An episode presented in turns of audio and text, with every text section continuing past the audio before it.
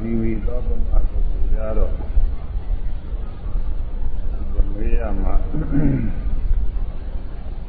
အာဘုရားကြောင့်ရောက်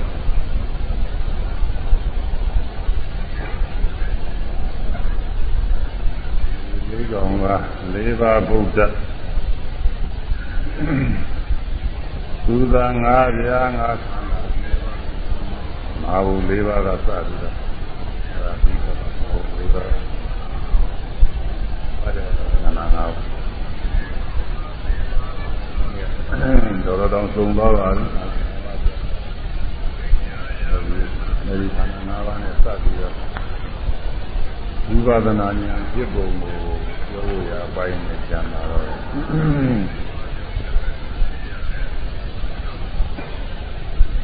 သဝရကသစ္စာတိကာတိခောဘိကဝေသစ္စာနေတံဥပါရณะခန္ဓာသနာ သေယတိယ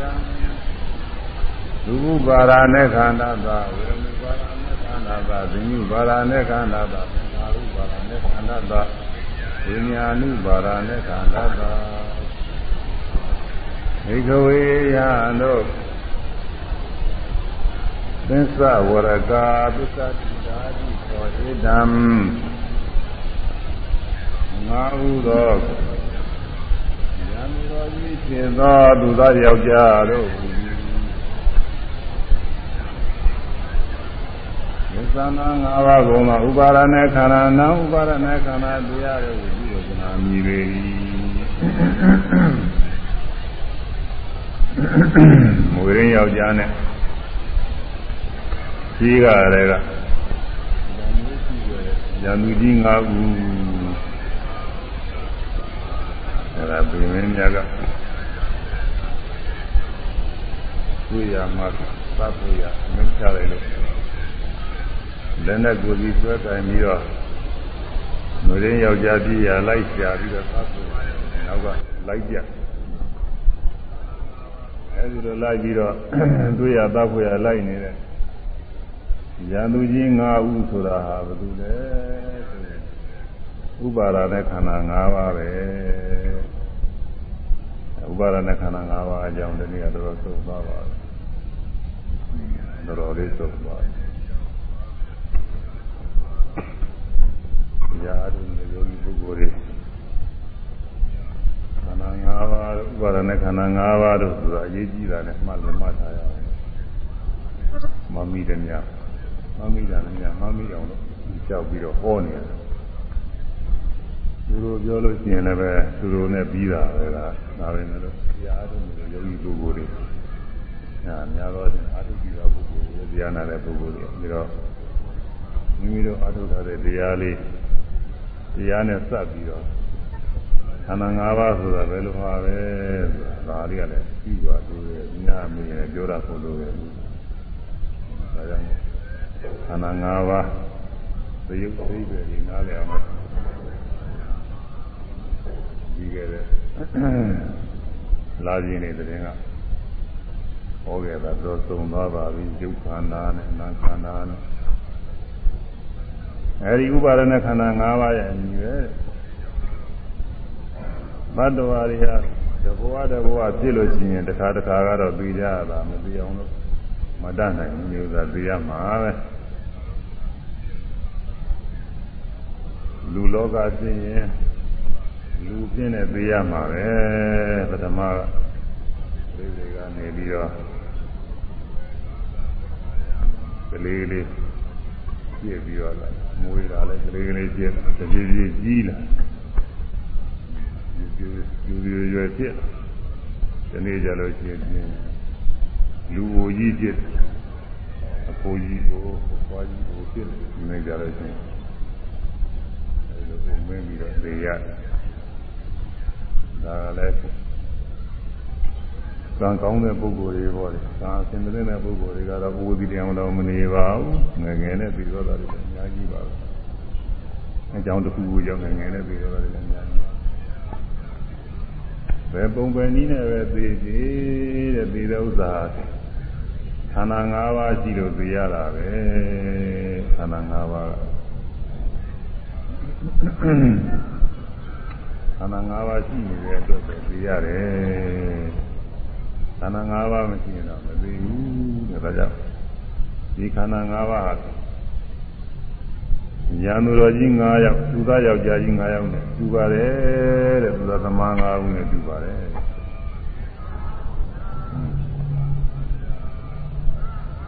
ဒီမသိတဲ့ခါကာလမှာသတ်ဖို့ရပဲခန္ဓာ၅ပါးဟာမိမိတို့ခန္ဓာမှာရတယ် ခန္ဓာ၅ပါးလည်းကြားမှကြည့်တာမကုတ်ကိုမှကြည့်တာပဲနာဖြစ်လို့ရှိရင်နာဘဝသာသိရမှာဇမာဖြစ်လို့ဇမာဘဝသိရမှာဘယ်ပုံနေတော့သူပြောကြမလို့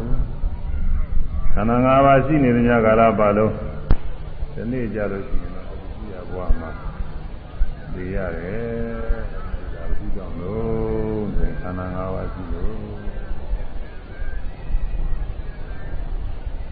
ကိလေသာမကင်းတဲ့ပုဂ္ဂိုလ်တွေနေအားဖြင့်ဆိုရင်ဒီခန္ဓာ၅ပါးကပဲသာယာစရာဖြစ်တယ်ယုတ်ကယုတ်ခန္ဓာဆိုရင်မိမိရထားတဲ့ယုတ်ကိုအကြောင်းပြုပြီးတော့သာယာနေရမျက်စိကြည့်လို့လည်းသာယာရတယ်မြင်ရတဲ့အဆင်းတွေကြည့်လို့လည်းသာယာရတယ်နားကြည့်လို့လည်းသာယာရတယ် အပန်းလေးတွေကလည်းကြည့်လို့သာယာရတယ်နှာခေါင်းကြည့်လို့လည်းသာယာရတယ်အနံလေးတွေကလည်းရလို့သာယာရတယ်စားတဲ့အခါမှာ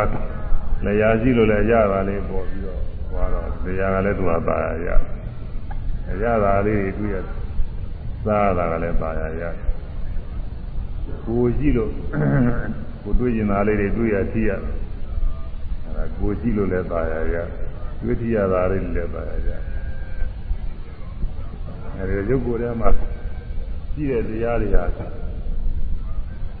စိတ်စိတ်ထဲမှာပေါ်သလောက်ဟာကတော့ဘာယာစရာတွေရှင်းနေသူသူနေရာနဲ့သူကအသုံးကျတယ်ညညမှာမှာရှိနေတဲ့အခါဆိုရင်အဲကိုယ်ကိုယ်လေးနဲ့သူဟာဘာယာစရာရှင်းကိလေသာမကင်းတဲ့ပုဂ္ဂိုလ်တွေဟာဒီလိုသာယာနေတာပဲအမှန်စင်ရအားဖြင့်တော့ဒီယုတ်တရားတွေဟာ ဒီဘက်ခန္ဓာတရားတွေပဲကုသသမားတွေရုပ်ခန္ဓာတွေပြည့်စည်ပြီးဒီနေ့ကျသိရတာလေနာမ်ခန္ဓာတွေကလည်းပဲသူကသာယာစရာတွေကျင့်စိတ်ကြည့်လို့လည်းပဲအာယုံလေးတွေတွေ့ပြီးပြီးတော့အာယုံလေးတွေအကောင်းလေးတွေတွေ့ပြီးဒီခံစားရတယ်ဆိုပြီးစိတ်ကိုလည်းသာယာရတယ်ဝေဒနာကလည်းပဲခံစားမှုကိုကြည့်နေတယ် ရတာပုံမှာဝေဒနာကလည်းသာရတယ်ပညာမှတ်သားမှုကလည်းသာရတယ်မမှတ်မိလို့ရှိရင်လည်းဘာမှသုံးကြမှာမဟုတ်ဘူးမှတ်မိတာတွေလည်းသာရရပြီးတော့သုံးတစ်ခုပြအောင်လို့ပြုပြင်မှုအားထုတ်မှုတဲ့သင်္ခါရခန္ဓာတရားတွေသူတို့ကလည်းသာရရတာဘာမရှိလို့ရှိရင်လည်းဘာမှဖြစ်မှာမဟုတ်ဘူးမြင်မှုကြားမှုဝေးမှုစားမှုကိုယ်မူရာတွေစိတ်မူရာတွေ ဘာကိစ္စမှပြီးမှာမဟုတ်ဘူးအဲဒီတော့ဒီသင်္ခါရခန္ဓာတွေကြည့်လို့ဒီမှုကိစ္စတွေကပြီးနေရတော့သူတို့ကလည်းသာယာကြရတယ်ဖြစ်အဲဒါကြောင့်ဒီလိုမကျင်းတဲ့ပုဂ္ဂိုလ်တွေမှာဆိုရင်ဒီခန္ဓာ၅ပါးကိုပဲသာယာပြီးတော့နေကြတယ်အဲဒီခန္ဓာ၅ပါးယာကြီးတွေပဲသူတို့သမားကြီးတွေပဲပွားတိုင်းပွားတိုင်းလိုက်ပြီးတော့သတ်နေတယ်ေချာပြီးမယ်ဆိုရင်တော့ ဒီလိုကမထင်သေးတော့လည်းမကြောက်ကြသေးဘူးအာဘာယာမှုအရှိတယ်ဘာတော့ကြောက်ကြရအဲဘာယာမှုတွေကင်းသွားတဲ့အခါအမှန်တိုင်းသိသွားတဲ့အခါကျမှကြောက်ကြရတယ်ပဲဆိုတာရှင်းလာဒါကကောင်းကောင်းကြီးထင်တာကယ ahanan ဖြစ်မှထင်တာယ ahanan မဖြစ်သေးခင်တော့ဝိပဿနာရှုတဲ့ခိုက်တာနေမှာအတော်တန်တော့သူကဝိပဿနာရှုတဲ့ခိုက်တာမှာရှုတယ် ကြောက်เสียတရားတွေပဲလို့သူကရှင်းတတ်ပါတယ်အဲဒီဥပါဒနာခန္ဓာ၅ပါးတရားတွေတဲ့ဒီလူသားယောက်ျားဆိုတာသူတို့ရဲ့အမိပဲတဲ့လို့ဆိုတာတရားတိရံပဲနိမူကတရားတိရံဥပါဒနာခန္ဓာ၅ပါးတော့ဒီပဲနိမူကသူဥပါဒနာခန္ဓာသာရုပ်ဆိုတာသာ ဥပါဒနာခန္ဓာဤ၎င်းဝေဒနာဥပါဒနာခန္ဓာသာဝေဒနာဥစွာသောဥပါဒနာခန္ဓာဤ၎င်းသင်္ညုပါဒနဲ့ခန္ဓာသာသင်ညာဥသောသောဥပါဒနဲ့ခန္ဓာဤလည်းအဲသင်္ခါရုပါဒနဲ့ခန္ဓာသာသင်္ခါရဥသောသောဥပါဒနဲ့ခန္ဓာဤလည်းဝိညာဉ်ဥပါဒနဲ့ခန္ဓာသာဝိညာဉ်ဥသောသောဥပါဒနဲ့ခန္ဓာဤလည်းအဲဒီခန္ဓာ၅ပါး ဝဲပါရသွဲနိုင်တာမပြဥပါဒံဥပါဒံဆိုတာလည်းအကျေပြောခဲ့ဥပါဒါနခန္ဓာနှစ်ခုတွဲထားတာဥပါဒါနဲ့ခန္ဓာဆိုဥပါဒါနနဲ့ခန္ဓာနဲ့တွဲတာဥပါဒါနကတွဲလာနိုင်တဲ့တရားတွေအကျဉ်းချုပ်လိုက်လို့ရှိရင်ဥပါဒါ၄ပါးတွေကနှစ်ပါးပဲရတယ်တဏှာနဲ့ဒိဋ္ဌိနဲ့တစ်မျိုးပဲတဏှာကပါရပြီးတော့ဆွဲလာတယ်ဒိဋ္ဌိက အကျဉ်းမှားပြီးတော့ဆွဲလာတယ်ဒါကြောင့်သင်လွဲပါရာဆွဲလာတာမကြဥပါဒံလို့ဒီကဆောင်းဖို့လေးသင်လွဲတဲ့ဒိဋ္ဌိနဲ့ပါရတဲ့တဏှာနဲ့သင်လွဲပြီးတော့လဲဆွဲလာတယ်ပါရပြီးတော့လဲဆွဲလာတယ်သင်လွဲပါရာဆွဲလာနာမကြဥပါဒံဆိုတာကဲဒါလေးဆိုရအောင်နဲ့ဒါအဓိပ္ပာယ်လေးကသုံးကြတယ်မှတ်ကြတယ် သင်လွဲပါရာသင်လွဲပါရာဆွဲလာနာမပြဥပါရံသင်လွဲပါရာဆွဲလာနာမပြဥပါရံသင်လွဲပါရာဆွဲလာနာ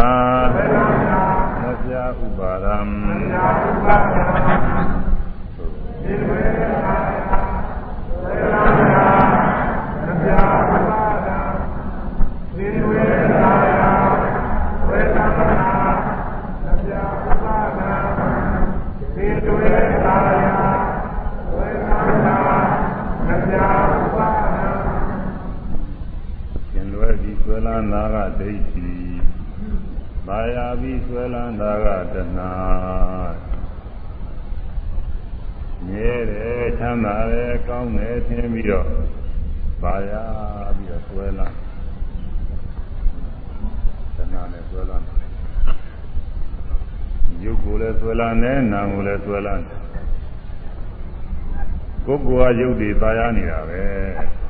ပုဂ္ဂိုလ်ကကိုယ်ရုပ်ဆိုတော့သာယာနေတာပဲကိုယ်ရုပ်တွေနဲ့ကိုယ်ကတော့သာယာနေသာယာမှုရှိနေမသာယာလို့လည်းမရှိဘူးဥစ္စာကိုရတာသာယာရမှာကိလေသာမကင်းတဲ့ပုဂ္ဂိုလ်ဆိုရင်ကိုယ်ရုပ်နဲ့ကိုယ်သာယာနေရမှာပဲသာယာရမှာနှိမ့်သက်ရမှာသဘောကျရမှာပဲဒါကြောင့်ဘုဒ္ဓနာရှိတဲ့ရုပ်ကလေးတွေသာယာနေတယ်တဲ့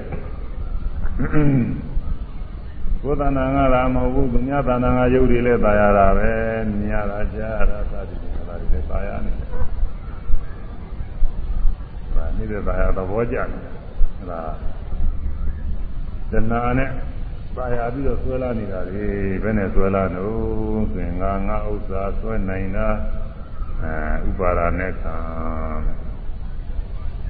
ငါလို့လည်းဆွဲလာနေထင်လွဲပြီးဆွဲလာနေငါလို့ ပုဂ္ဂိုလ်သတ္တဝါနေဆွဲလာငါဥစ္စာလို့ဆိုတာကတော့ပါရတဲ့သဘောပါပဲသူကသနာနဲ့ဆွဲလာငါငါဥစ္စာဒါကကျမ်းဂန်ထဲမှာဝိပြေတုံးကသုံးတဲ့ဝါရာတွေပေါ်တယ်ငါဥစ္စာလို့ဆွဲလာတဲ့ဥစ္စာတဏှာပဲဣတံမဣတံဤဒီကမမငါဥစ္စာဒီတဏှာနဲ့ဆွဲလာတာဒီဒီကတော့ ဧသောမေအတ္တဧသောဤဒီကမင်းငါဤအတ္တအတ္တကိုယ်ရည်ဒါကငါပဲငါကိုယ်ပဲငါပဲလို့ဆိုလိုက်အဲ့ဒါကတော့ဒိဋ္ဌိနဲ့ဆွဲလာတာတဲ့အဲ့ဒီသင်လွဲပြီးဆွဲလာတာငါငါကိုယ်ပဲသက်ကြီးနေတဲ့ကောင်းပဲဘယ်လိုသင်လွဲပြီးဆွဲလာလို့ဒီဒိဋ္ဌိနဲ့ဆွဲလာတာ ငါဥစ္စာပဲအနေနဲ့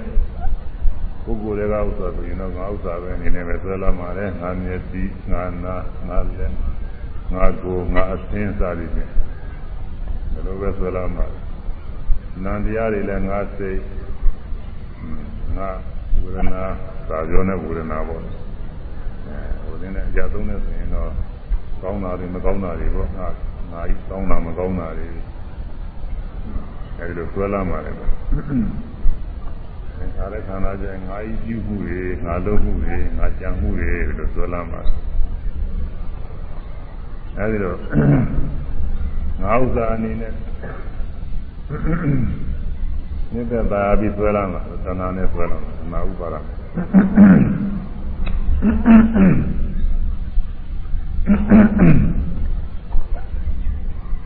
အဲဒီလိုငါဝူးရလည်းကောင်း ငါယုတ်စာအနေနဲ့လည်းကောင်းဆွဲလာနိုင်တဲ့တရားတွေဥပါဒနဲ့ခန္ဓာလို့ခေါ်ပြီးဥပါဒရင်အာယုဖြစ်တဲ့တရားတွေဆွဲလာမှုအာရုံဖြစ်တဲ့တရားတွေဥပါဒနဲ့ခန္ဓာလို့ခေါ်ပြီးဒါလေးလည်းမှတ်ထားဆွဲလာမှုတဏှာနဲ့ဆွဲလာမှုအာယုဒိဋ္ဌိနဲ့ဆွဲလာမှုအာယုတဏှာနဲ့ဆွဲလာမှုအာယုဆိုတာ ဘာယာဘာယာအပ်တဲ့တရားတွေပဲနှစ်သက်အပ်တဲ့တရားတွေဒီတရားကိုသာယာရဲဆိုရင်အဲ့ဒီတရားဟာလားတဏှာနဲ့ဆွဲလာအပ်တဲ့တရားဒီတရားကိုပုဂ္ဂိုလ်သတ္တဝါလို့ထင်နေလို့ရှိရင်အဲ့ဒီတရားဟာဒိဋ္ဌိနဲ့ဆွဲလာတာပဲအဲ့တော့မြင်တဲ့အခါကာလမှာမျက်စိကိုပုဂ္ဂိုလ်သတ္တဝါအနေအားဖြင့်မျက်စိနဲ့တကွာဒီလိုလုံးဟာငါပဲလို့ဆိုလို့ရှိရင်သူကဒိဋ္ဌိနဲ့ဆွဲလာတာ မျက်စိနဲ့တကွာဒီလိုလုံးကိုအဲမြစ်တဲ့ပါရမှုဖြစ်လို့ရှိရင်သူကတဏှာနဲ့ဆွဲလာတာမြင်ပြီးမှုဆိုတော့အဲမြင်ပြီးမှုကိုငါပဲလို့အဲလက်ကျင်နေတဲ့အကောင်ပဲလို့တကယ်ထင်ရင်ပေါ့လေအဲဒါဒိဋ္ဌိနဲ့ဆွဲလာမှာပေါ့အဲဒီမြင်ပြီးမှုလေးကိုပဲသဘောကျနှိမ့်သက်သာရနဲ့မြင်ရတာလေးကိုပဲသဘောကျပြီ သာသနာနဲ့ဆွဲလာတယ်အဲဒီလိုတဏှာနဲ့ဒိဋ္ဌိနဲ့ဆွဲလာနိုင်တဲ့တရားဆွဲလာအပ်တဲ့တရားတွေဥပါဒณะခန္ဓာလို့ခေါ်တယ်ဒါကိုနားလည်အောင်လို့ငါငါဥစ္စာဆွဲနိုင်တာဥပါဒณะခန္ဓာလို့သံမှုပေးတာငါဟူ၍ဆွဲနိုင်တဲ့တရားငါလို့ထင်မှရတဲ့တရားငါဥစ္စာလို့ဆွဲနိုင်တဲ့တရား ငါဥစ္စာလို့ထင်မှပြီးသာယာမြင့်တဲ့နိုင်တဲ့တရားအဲဒီတရားကိုဒါဥပါဒณะခန္ဓာကိုခေါ်သည်ဆိုရငါငါဥစ္စာဆွဲနိုင်တာဥပါဒณะခံငါငါဥစ္စာဆွဲနိုင်တာဥပါဒณะခံငါ ငါဥစ္စာဆွဲနိုင်တာဥပါဒณะခံအာဟုသာ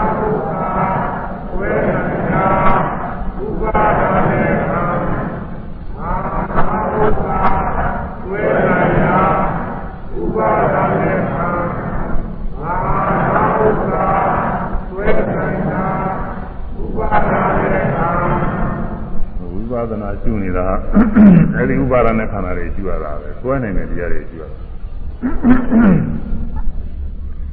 တဏှာနဲ့ဒိဋ္ဌိနဲ့စွဲနိုင်တဲ့တရားတွေကိုဝိပဿနာရှုရတယ်တဏှာဒိဋ္ဌိနဲ့မစွဲနိုင်တဲ့တရားတွေတော့ဝိပဿနာရှုရမလို့ဘူး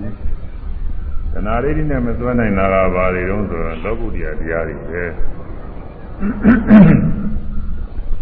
မေတ္တရားပူတရားနိဗ္ဗာန်တရားအဲဒီတရားတွေကတော့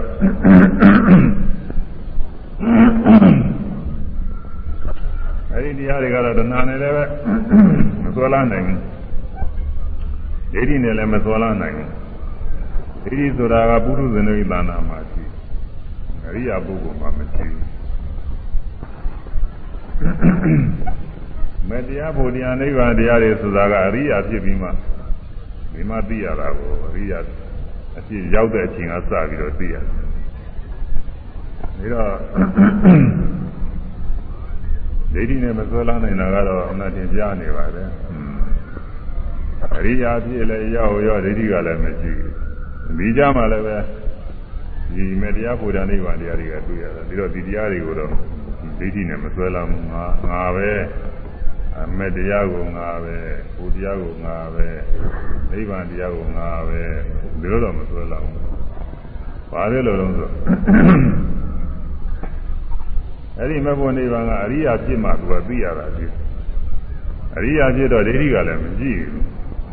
ယုတ်တရားနာတရားတွေပဲဖြစ်ပြနေတဲ့တရားတွေပဲဆိုတာဘိုင်းနိုင်သဘောကျသွားရှင်းသွားတယ်အမှုမဲ့မှမဲ့နေလို့ရှိရင်တော့သူများလိုပဲသွားလိုက်လာလိုက်စားလိုက်တောက်လိုက်စကားပြောလိုက်ဆိုတော့အတူတူလိုဖြစ်နေတယ်ငါလိုဆွဲလန်းရှိသေးသလိုလိုပဲစဉ်းစားလိုက်တယ်စဉ်းစားလိုက်တယ်ငါလေးကသူကပြအောင်တယ်အရိယာပုဂ္ဂိုလ် ဒိဋ္ဌိအဆွဲလန်းမရှိဘူးယုံနာအစုငါကောင်ဟုထင်မှုမရှိပါဘူးအရိယာမဲ့ဖို့ရသွားပြီးတဲ့ပုဂ္ဂိုလ်ကသင်ញင်ကြည့်လိုက်မယ်ဆိုရင်ဒီကိုယ်ထဲမှာယုံနာမျှပဲဖြစ်ပြနေတဲ့တရားမျှပဲဆိုတာရှင်းတယ်တရားထုတ်စဉ်ကာလကတွေ့ထားတယ်လားဝိပဿနာရှုတိုင်းရှုတိုင်း ဝိပဿနာရှုတော့ကအဖြစ်ပြတရားလေးတွေတွေ့ထားတယ်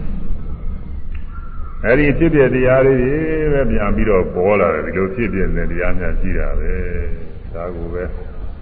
ငါလို့သူလို့ယောက်ျားလို့မိန်းမလို့ပုဂ္ဂိုလ်လို့သတ္တဝါလို့ခေါ်ရတယ်အမှန်စင်စစ်တော့ဒီထဲမှာငါကောင်တော်ကောင်ပုဂ္ဂိုလ်ကောင်မရှိဘူးဆိုတာအဲအသိဉာဏ်ကရှင်းစဉ်းစားတယ်စဉ်းစားတယ်ရှင်းနေတယ် မစဉ်းစားဘဲနဲ့မှတ်တမဲ့နေတဲ့ခါတော့သူများလိုပဲမှတ်နေသွားလိုက်လာလိုက်စားလိုက်တော့လိုက်စကားပြောလိုက်ဒီလိုပါဘေးကနေပြီးတော့ကြည့်မယ်ဆိုလို့ရှိရင်အဲဒီအရိယာပုဂ္ဂိုလ်သောတာပန်တို့သရဂံတို့ဟာသူများလိုပဲလို့ထင်ရလောက်အောင်မှာပဲသိမကွာဘူးသူကဒါပေမဲ့လို့သူစိတ်တဲ့သူညာနဲ့မှာတော့ကိုစဉ်းစားတဲ့စဉ်းစားတိုင်းကပုဂ္ဂိုလ်သတ္တအစွဲလန်းပြောက် ဝိပဿနာရှုမယ်ဆိုရင်တော့အထူးပြောစရာမလိုဘူးရှုလိုက်မှလိုက်လို့ရှိရင်ဖြစ်ပြကလေးတွေတစ်ပိုင်းစီတစ်ပိုင်းစီလေးတွေပိုင်းချပြီးတော့သူကသိပြီးတော့ဒိဋ္ဌိအစွဲလန်းသူ့မှာမရှိဘူးတဲ့ယုံနာအစုငါကောင်ဟုသင်မှုမရှိပါတဲ့ယုံနာအစုမြကိုငါကောင်ပဲအသက်ရှင်တဲ့ကောင်ပဲလို့ဒီမှာဇောလာခြင်းမရှိတော့ဘူးတဲ့ဒီလိုပြင့်နေပါဒါကြောင့်မို့အရိယာဖြစ်တဲ့အချိန်မှာဒိဋ္ဌိကမရှိဘူးအရိယာဖြစ်ပြီးမှ သိရတဲ့မတရားဖို့တရားတွေဒိဋ္ဌိကမရှိတော့ဘယ်ဇောလာတော့တော့ငါကောင်နေမဇောလာနိုင်ဘူးမတရားဖို့တရားသာမဟုတ်ဘူးအရိယာပုဂ္ဂိုလ်ကယုံနာတရားတွေတာမန်တရားတွေလည်းပဲသူကမဆွဲလန်းတော့ပါဘူးကွာဘုရုဇဉ်ဖြစ်တုန်းကသာဆွဲလန်းတော့အရိယာဖြစ်ပြီးတဲ့နောက်တော့ယုံနာတရားတွေမြင်မှုလို့ကြားမှုလို့ဒါတွေလည်းငါကောင်ပဲလို့မဆွဲလန်းဘူး ဆွဲလန်းမှုကကျင်းအမြင်ညာအားဖြင့်တော့ငါပဲသူပဲလို့ဒီလိုပြောရတာပဲငါပဲသူပဲလို့အဲငါသွားတယ်ငါစားတယ်ငါနေထိုင်ငါထိုင်တယ်စသည်ဖြင့်ဒီလိုလည်းပြောရတယ်စိတ်ကူးတယ်လည်းဒီလိုစိတ်ကူးလည်းရှိပါတယ်ဒါပေမဲ့လို့အသက်ရှင်နေတဲ့ငါကောင်လေးအသက်ကောင်လေးရှိတယ်လို့တော့ဒီလိုဆွဲလာမှုကမရှိဘူးအဲ့ဒီဒိဋ္ဌိကျင်းနေတာဒါကြောင့်မို့ ယုံနာအစုငါကောင်ဟုထင်မှုမရှိပါတဲ့ဒါအရိယပုဂ္ဂိုလ်မှာဒိဋ္ဌိကျင်းပုံနဲ့တက္ကရာဒိဋ္ဌိကျင်းနေတယ်ကဲဆိုသမ်းပါအောင်ယုံနာစုငါကောင်ဟုသင်မှုမရှိပါယုံနာစုငါကောင်ဟုသင်မှုမရှိပါ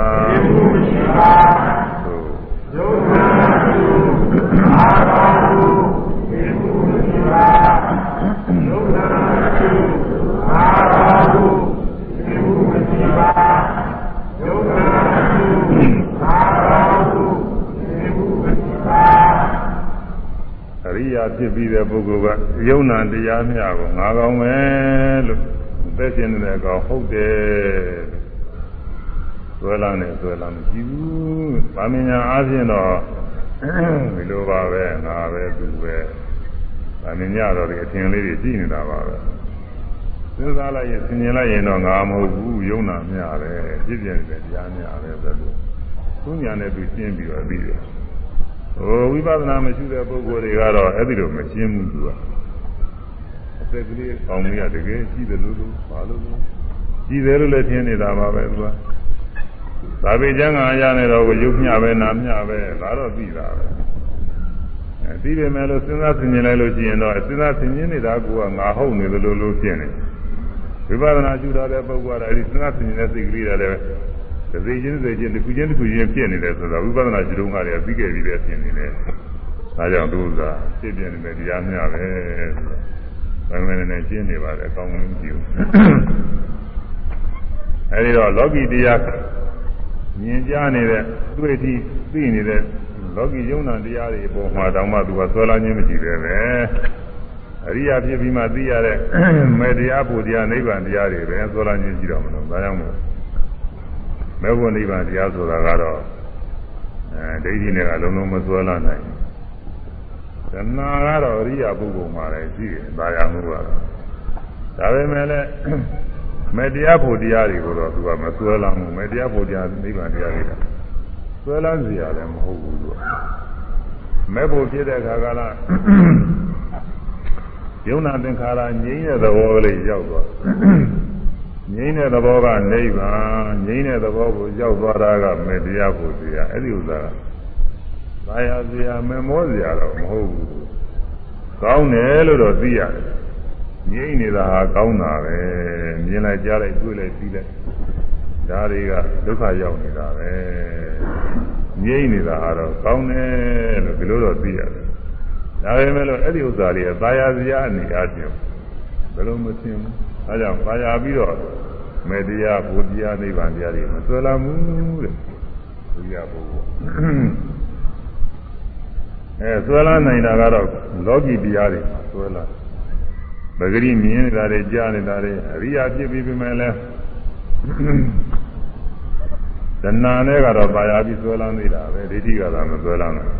မြင်မှုတွေကြားမှုတွေပါရနေသေးတာပဲကိလေသာမကင်းသေးတဲ့ကာလပတ်လုံးပါရနေတယ်ပါရလို့အဲဒီသောတာပန်တို့ဗราဂန်တို့ဆိုတာတွေအကောင်းကုန်နေတဲ့သူကကျင်းမှမကင်းသေးဘူးအနာဂတ်ဖြစ်ပြီးတော့သွားမှ ကောင်းကုန်အာယုန်တွေပါရမှုကင်းသွားဒါတောင်မှသူဟာရူပရာကအရူပရာဂဆိုတာရှိတယ်ယူပပြမဘဝမျိုးအယူပပြမဘဝမျိုးအဲ့ဒီဟာတွေတော့သာယာလုံးရှိတယ်အဲ့ဒီယုံနာတွေတော့သာယာနေတယ်အဲယူပဘဝအယူပဘဝယူပဇံအယူပဇံအဲ့ဒီတရားတွေတော့သူကသဘောကျတော့သာယာတော့နှစ်သက်တုံးမရှိသေးတယ် အဲ့ဒီလိုသာယာပြီးတော့ဆွဲလန်းနိုင်တဲ့တရားတွေဥပါဒနဲ့ခန္ဓာခန္ဓာတွေအဲဒီဥပါဒနဲ့ခန္ဓာတရားတွေကိုမာယာပြီးတော့ဆွဲလမ်းမှုမဖြစ်ရအောင်အသင်မှားပြီးတော့ဆွဲလမ်းမှုမဖြစ်ရအောင်လို့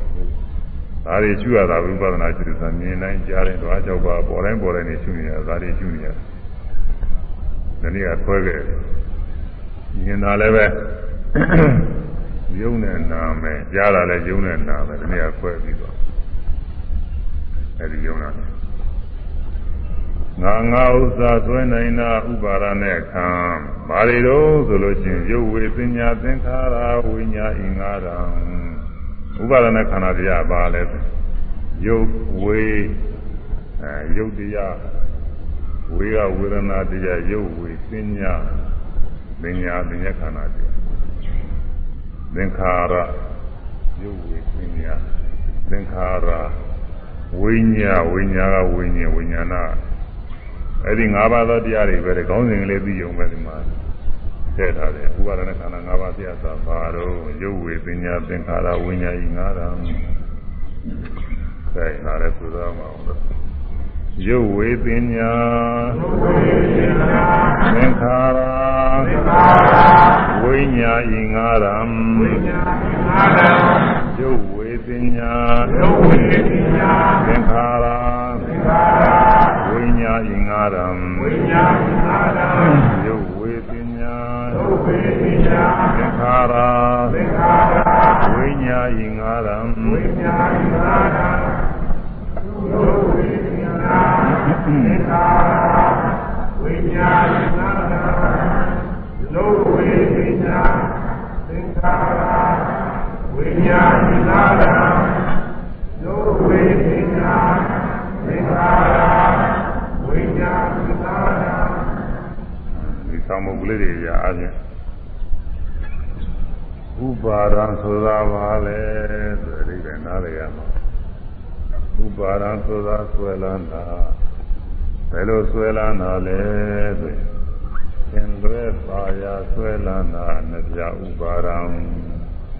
သင်လွဲပြီးဆွဲလန်းတာဒိဋ္ဌိ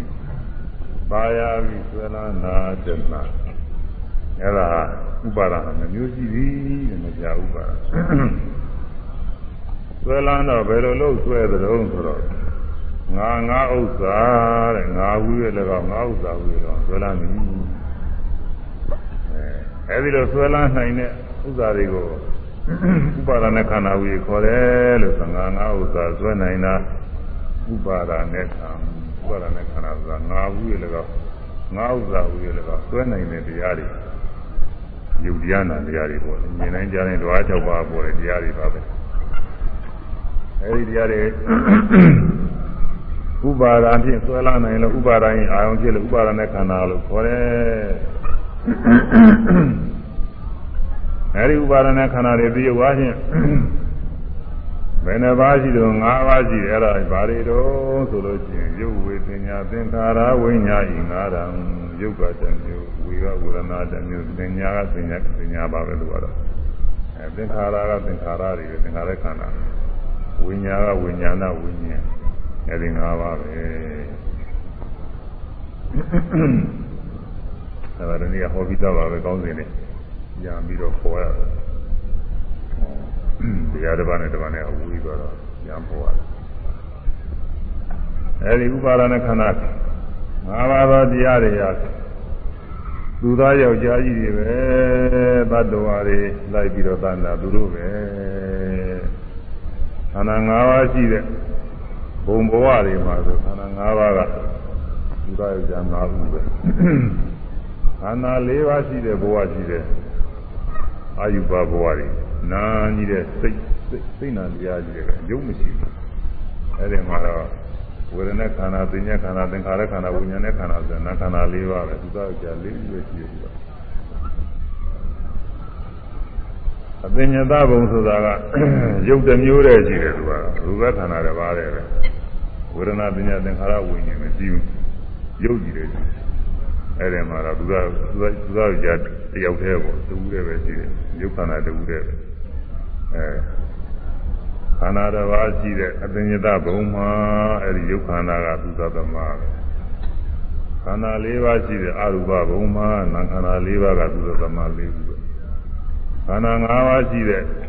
မေသောကာရဘုံလို့ပါဠိလိုခေါ်တယ်မစ္စဝောကာရ မစ္စ၅ခုဝောကာရကခန္ဓာပါပဲခန္ဓာ၅ပါးရှိတဲ့ဘုံဒါတွေကတော့အခုလူဘုံလို့ပယ်လေးဘုံလို့အဒီ၆ထပ်ပြီးတော့စိတ်ဝိညာဉ်နဲ့တကွဖြစ်နေတဲ့ရူပဝသရဘုံလေးအဲဒီဘုံလေးအဲဒီဘုံလေးက15ခုရှိတယ်အဲဒီ15ဘုံလေးအဲဒါတွေကခန္ဓာ၅ပါးလုံးရှိတော့ခ န္ဓာ၅ပါးလုံးသူသာသမားတွေပဲအဲဒီသူသာသမားတွေကလုံးမြောက်အောင်လို့ဒီကအားထုတ်ရတယ်ဒီသူသာသမားတွေကလုံးမြောက်အောင်လို့ပြီးရတယ်ဆိုတော့ခန္ဓာမူရင်းဥပမာမှာပေးထားတယ်လူရင်းယောက်ျားလူသားသမားကြီး9ယောက်ကနောက်ကတွေ့ရသတ်ဖို့ရလိုက်နေတယ်ဆိုတာမြင်ပြီးတော့ကြောက်လို့ကြီးရတယ်လို့ပဲဒီမှာလည်းပဲဒီခန္ဓာ၅ပါးတရားတွေကလွတ်မြောက်အောင်လို့တရားအားထုတ်ရ မြင်တိုင်းမြင်တိုင်းရှုမှတ်နေတာဟာခန္ဓာ၅ပါးကလွတ်မြောက်အောင်လို့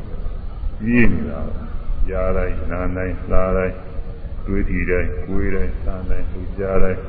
သိကုသနာကြံစီတိုင်းအဲကျူးမနေတဲ့ဥစ္စာတွေကဒီခန္ဓာ၅ပါးသုသာတရားတွေလက်ကလွတ်အောင်လို့ကြီးတာပဲတခါမှားလိုက်ရင်တခါပြေးတခါမှားလိုက်တခါပြေးမမပဲနဲ့နေတဲ့ဆိုတဲ့ပုဂ္ဂိုလ်ကမပြေးဘူးလားတော့သူကတ ခါမှားလိုက်လို့ရှိရင်အဲဒီမှတ်မိတဲ့အာယုံနဲ့စပ်ပြီးတော့ကိလေသာမပြတ်နိုင်ဘူးဝိပဿနာဉာဏ်ဖြင့်မာလို့ယုတ်တရားနာတိအဖြစ်ပြအိသရုပ္ပနာတအမှန်တိုင်းသိရတဲ့အာယုံမှာကိလေသာမဖြစ်ဘူးကိလေသာမဖြစ်တော့အဲ့ဒီအာယုံအဲ့ဒီအာယုံနဲ့စပ်ပြီးတော့ကာနေလည်းမဖြစ်ဘူးကုသကအကုသကနဲ့ဖြစ်ရကံကနေပြီးကျိုးပေးတဲ့ဘဝလည်းဖြစ်ရ ဘဝမဖြစ်တော့အဲ့ဒီဘဝနဲ့စပ်ပြီးတော့ပရိသေတွေလည်းမနေရဘူးမအိုးရဘူးမနာရဘူးမသိရဘူးခန္ဓာ၅ပါးကမတရတော့ခန္ဓာ၅ပါးအတမခံရတော့ခန္ဓာ၅ပါးအတခံရခြင်းမှာလွတ်သွားတယ်တဲ့တခါမှရင်တခါလွတ်တာတခါမှရင်တခါလွတ်မှတ်တိုင်းမှတ်တိုင်းလွတ်တယ်အဲ့ဒါဘယ်လောက်ကစပြီးတော့လွတ်တော့ဆိုရင် ဒီဆရာဆိုရင်တော့ဘင်္ဂညာလောက်ကမှစပြီးတော့လွတ်တယ်အောင်သားပိုင်းကသိမလို့သေးဘူးဘင်္ဂညာကနေပြီးတော့ပြက်ကလေးတွေပြင်လာမှာအဲ့ဒါကနေ့ဝိပဿနာဉာဏ်လေးနည်းနည်းဟောရမှာယုတ်ခန္ဓာနာခန္ဓာတွေကွဲပုံမှာဆိုင်ဒီနေ့ကတည်းကပြောတော့ပြောပြီးပါယုတ်ခန္ဓာနာခန္ဓာတွေကတော့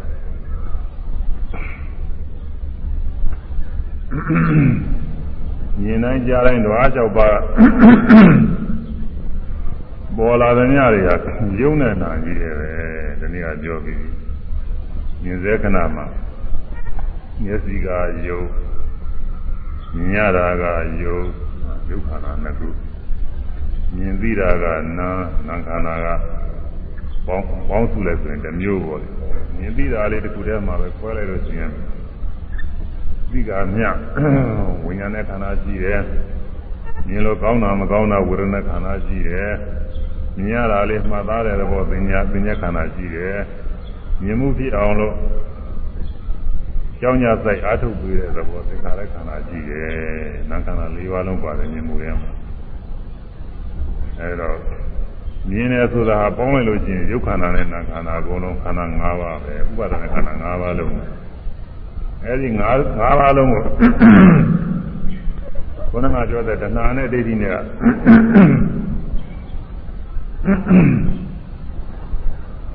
သွေးလာတယ်တဏှာနဲ့ပါရပြီးတော့လည်းသွေးလာနိုင်တယ်ဒိဋ္ဌိနဲ့ငါပဲဆိုပြီးတော့ထင်မှားပြီးတော့လည်းသွေးလာနိုင်တယ်တရားအာမထုတ်တဲ့ပုဂ္ဂိုလ်တွေဆိုရင်အကုန်လုံးသွေးလာနေတာပဲအာထုတ်တဲ့ပုဂ္ဂိုလ်တော့မရှိမမီတဲ့အာယုန်နဲ့စပြီးတော့သွေးလာတော့မင်းတို့ကဘယ်ကြမှာသွေးလာကျင်းသွားတော့ဆို ဘုရားပြောတဲ့သင်္ကန်းညာစီကနေပြီးတော့အဲဒီကြမှာသူတိုင်းမှတိုင်းအာယုန်လေးကျင်းသွားဒါလည်းပဲအများကြီးကျင်းတာမဟုတ်ဘူးကျူးမိတဲ့အာယုန်လေးမှကျင်းတာမကျူးမိတဲ့အာယုန်တွေကတော့သွေးလာတော့မှာ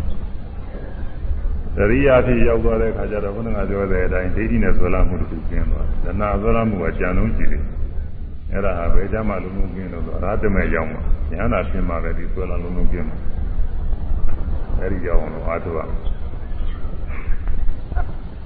အဲဒီတော့မြင်တဲ့ခဏမှာမျက်စိနဲ့အသင်္ကယုတ်မျက်စိနဲ့အသင်္ကယုတ်ခန္ဓာ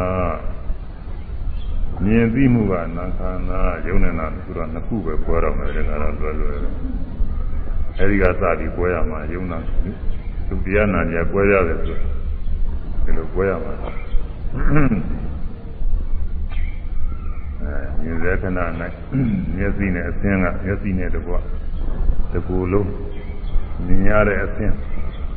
အဲကိုကိုယ်တဏ္ဍာကဆိုရင်လည်းတကူလုံးမြင်ရတဲ့အသင်းနဲ့တကွတကူလုံးသူများတဏ္ဍာကဆိုရင်လည်းမြင်ရတဲ့အသင်းနဲ့တကွတကူလုံးအဲရုပ်ရုပ်တရားတွေဒါကအာယုံကိုမသိတတ်တဲ့တရားတွေအဲတုံ့တန်ကြောက်ဖဲမြည်ကြီးခဲများလို့ အာယုံမသိတတ်တဲ့တရားတွေစမ်းကျင်မဲ့အကြောင်းနဲ့တွေ့ရင်တော့ဖောက်ပြန်တာလို့သူရုပ်လို့ခေါ်တယ်။အဲအေးနဲ့တွေ့ရင်လည်းတစ်မျိုးတစ်မျိုးကြောင်းလဲတယ်အပူနဲ့တွေ့ရင်လည်းတစ်မျိုးတစ်မျိုးကြောင်းလဲတယ်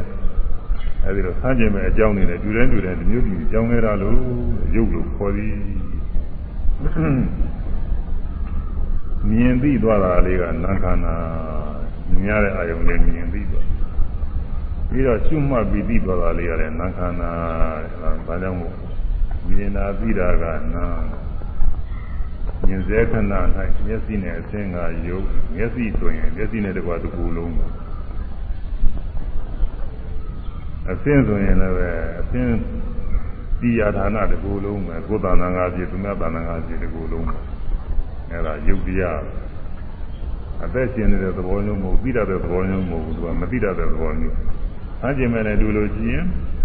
ဒီမျိုးတည်းကြောင်းလဲဖောက်ပြန်တဲ့တရားယုတ်တရားပဲအဲမြင်တာသိတာတဲ့မြင်တာလည်းပဲနာတရားပဲမြင်တာကိုမှားလိုက်လို့ပြီးသွားတာရှိတယ်မှတ်ပြီးသွားတာအဲမြင်တာသိတာကနန္တရားယုံနေတယ်ဒါဝိပဿနာရှိရင်ဒီလိုကြွယ်ရမှာဒါရင်နာရီကစပြီးတော့ဆိုဒီနေ့ကလည်းပဲတချို့တော့တော့ဆိုပြီးသားပါကနေယုံနာကွဲပုံနဲ့ နာမကြီးပေါ်ပြိစိတညာဖြစ်ပုံတွေကစရမြင်စေခဏ၌မျက်စိနဲ့အစင်းကယုတ်မြင်နာပြီးတာကနာမြင်စေခဏ၌မျက်စိနဲ့အစင်းကယုတ်မြင်နာပြီးတာကနာအဲမျက်စိဆိုတာက မြင်မှုဤတရားလေးကိုဒီကနေမြင်တယ်လို့သင်ရတယ်။မျက်လုံးကြီးပုံသဏ္ဍာန်ကြီးလည်းမဟုတ်ပါဘူး။မြင်ရဌာနလေးကိုအစင်းဆိုတာကလည်းမြင်ရတဲ့မြင်ရတဲ့အရာပဲမြင်ရတဲ့ဥစ္စာပါပဲ။အဲမျက်စိနဲ့အစင်းငါရုပ်ဒါဒီစင်းလေးကသမှုံလေးပဲအမှုံလေးသေးသေးလေးပဲဒီလိုသင်ရမယ်လို့မဟုတ်ပါဘူး။သေးသေးရလုံးမဟုတ်ပါမြင်ရတာမြင်ရတာဆိုရင်ပြီးတာပါပဲသူကအဲသေးသေး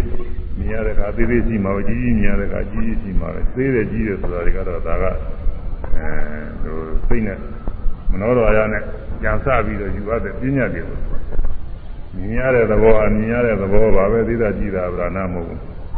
အဲမျက်စိနဲ့အဆင်းမျက်စိနဲ့မျက်စိရဲ့မြင်ရတဲ့အဆင်းရဲ့အဲ့ဒါကယုတ်တရား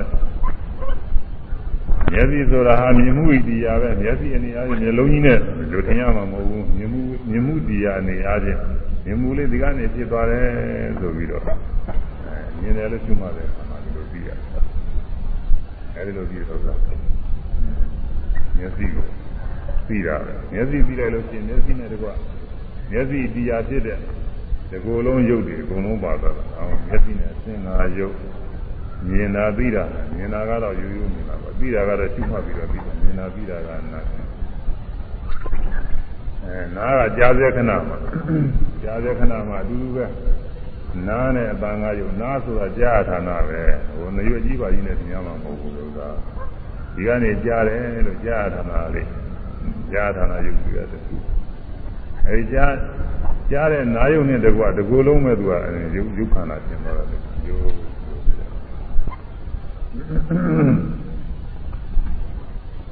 ကြားတဲ့အပန်းဟာကြားတဲ့အပန်းအပန်းနဲ့တကွအပန်းဤတရားအဲကိုကြီးတကူလုံးပေါ့လေကိုယ်သာရှင်းလဲကိုယ်ကိုကြီးတကူလုံးပါသူများသာရှင်းလဲသူများကိုကြီးတကူလုံးပါအဲဒီဥစ္စာကရုပ်အဲနားနဲ့အပန်းကရုပ်ကြားတာပြီးတာကနားနဲ့ကြားသွားတာလေးကသူ့မှလည်းလို့ပြီးတာလေးအဲ့ဒါကိုအခုကြည့်တယ်အဲ့ဒါကနန္တရားပဲ အာယုံမပြီးရတဲ့တရားပါသူကဟုတ်ရာဇေခဏနာယီနာနဲ့အပန်းကယုရာရာပြီးတာကနံရာဇေခဏနာယီနာနဲ့အပန်းကယုရာရာပြီးတာကနံ ရာဇေခဏနာယီနာနဲ့အပန်းကယုရတာပြီးတာကနံရတာပြီးတာကနံ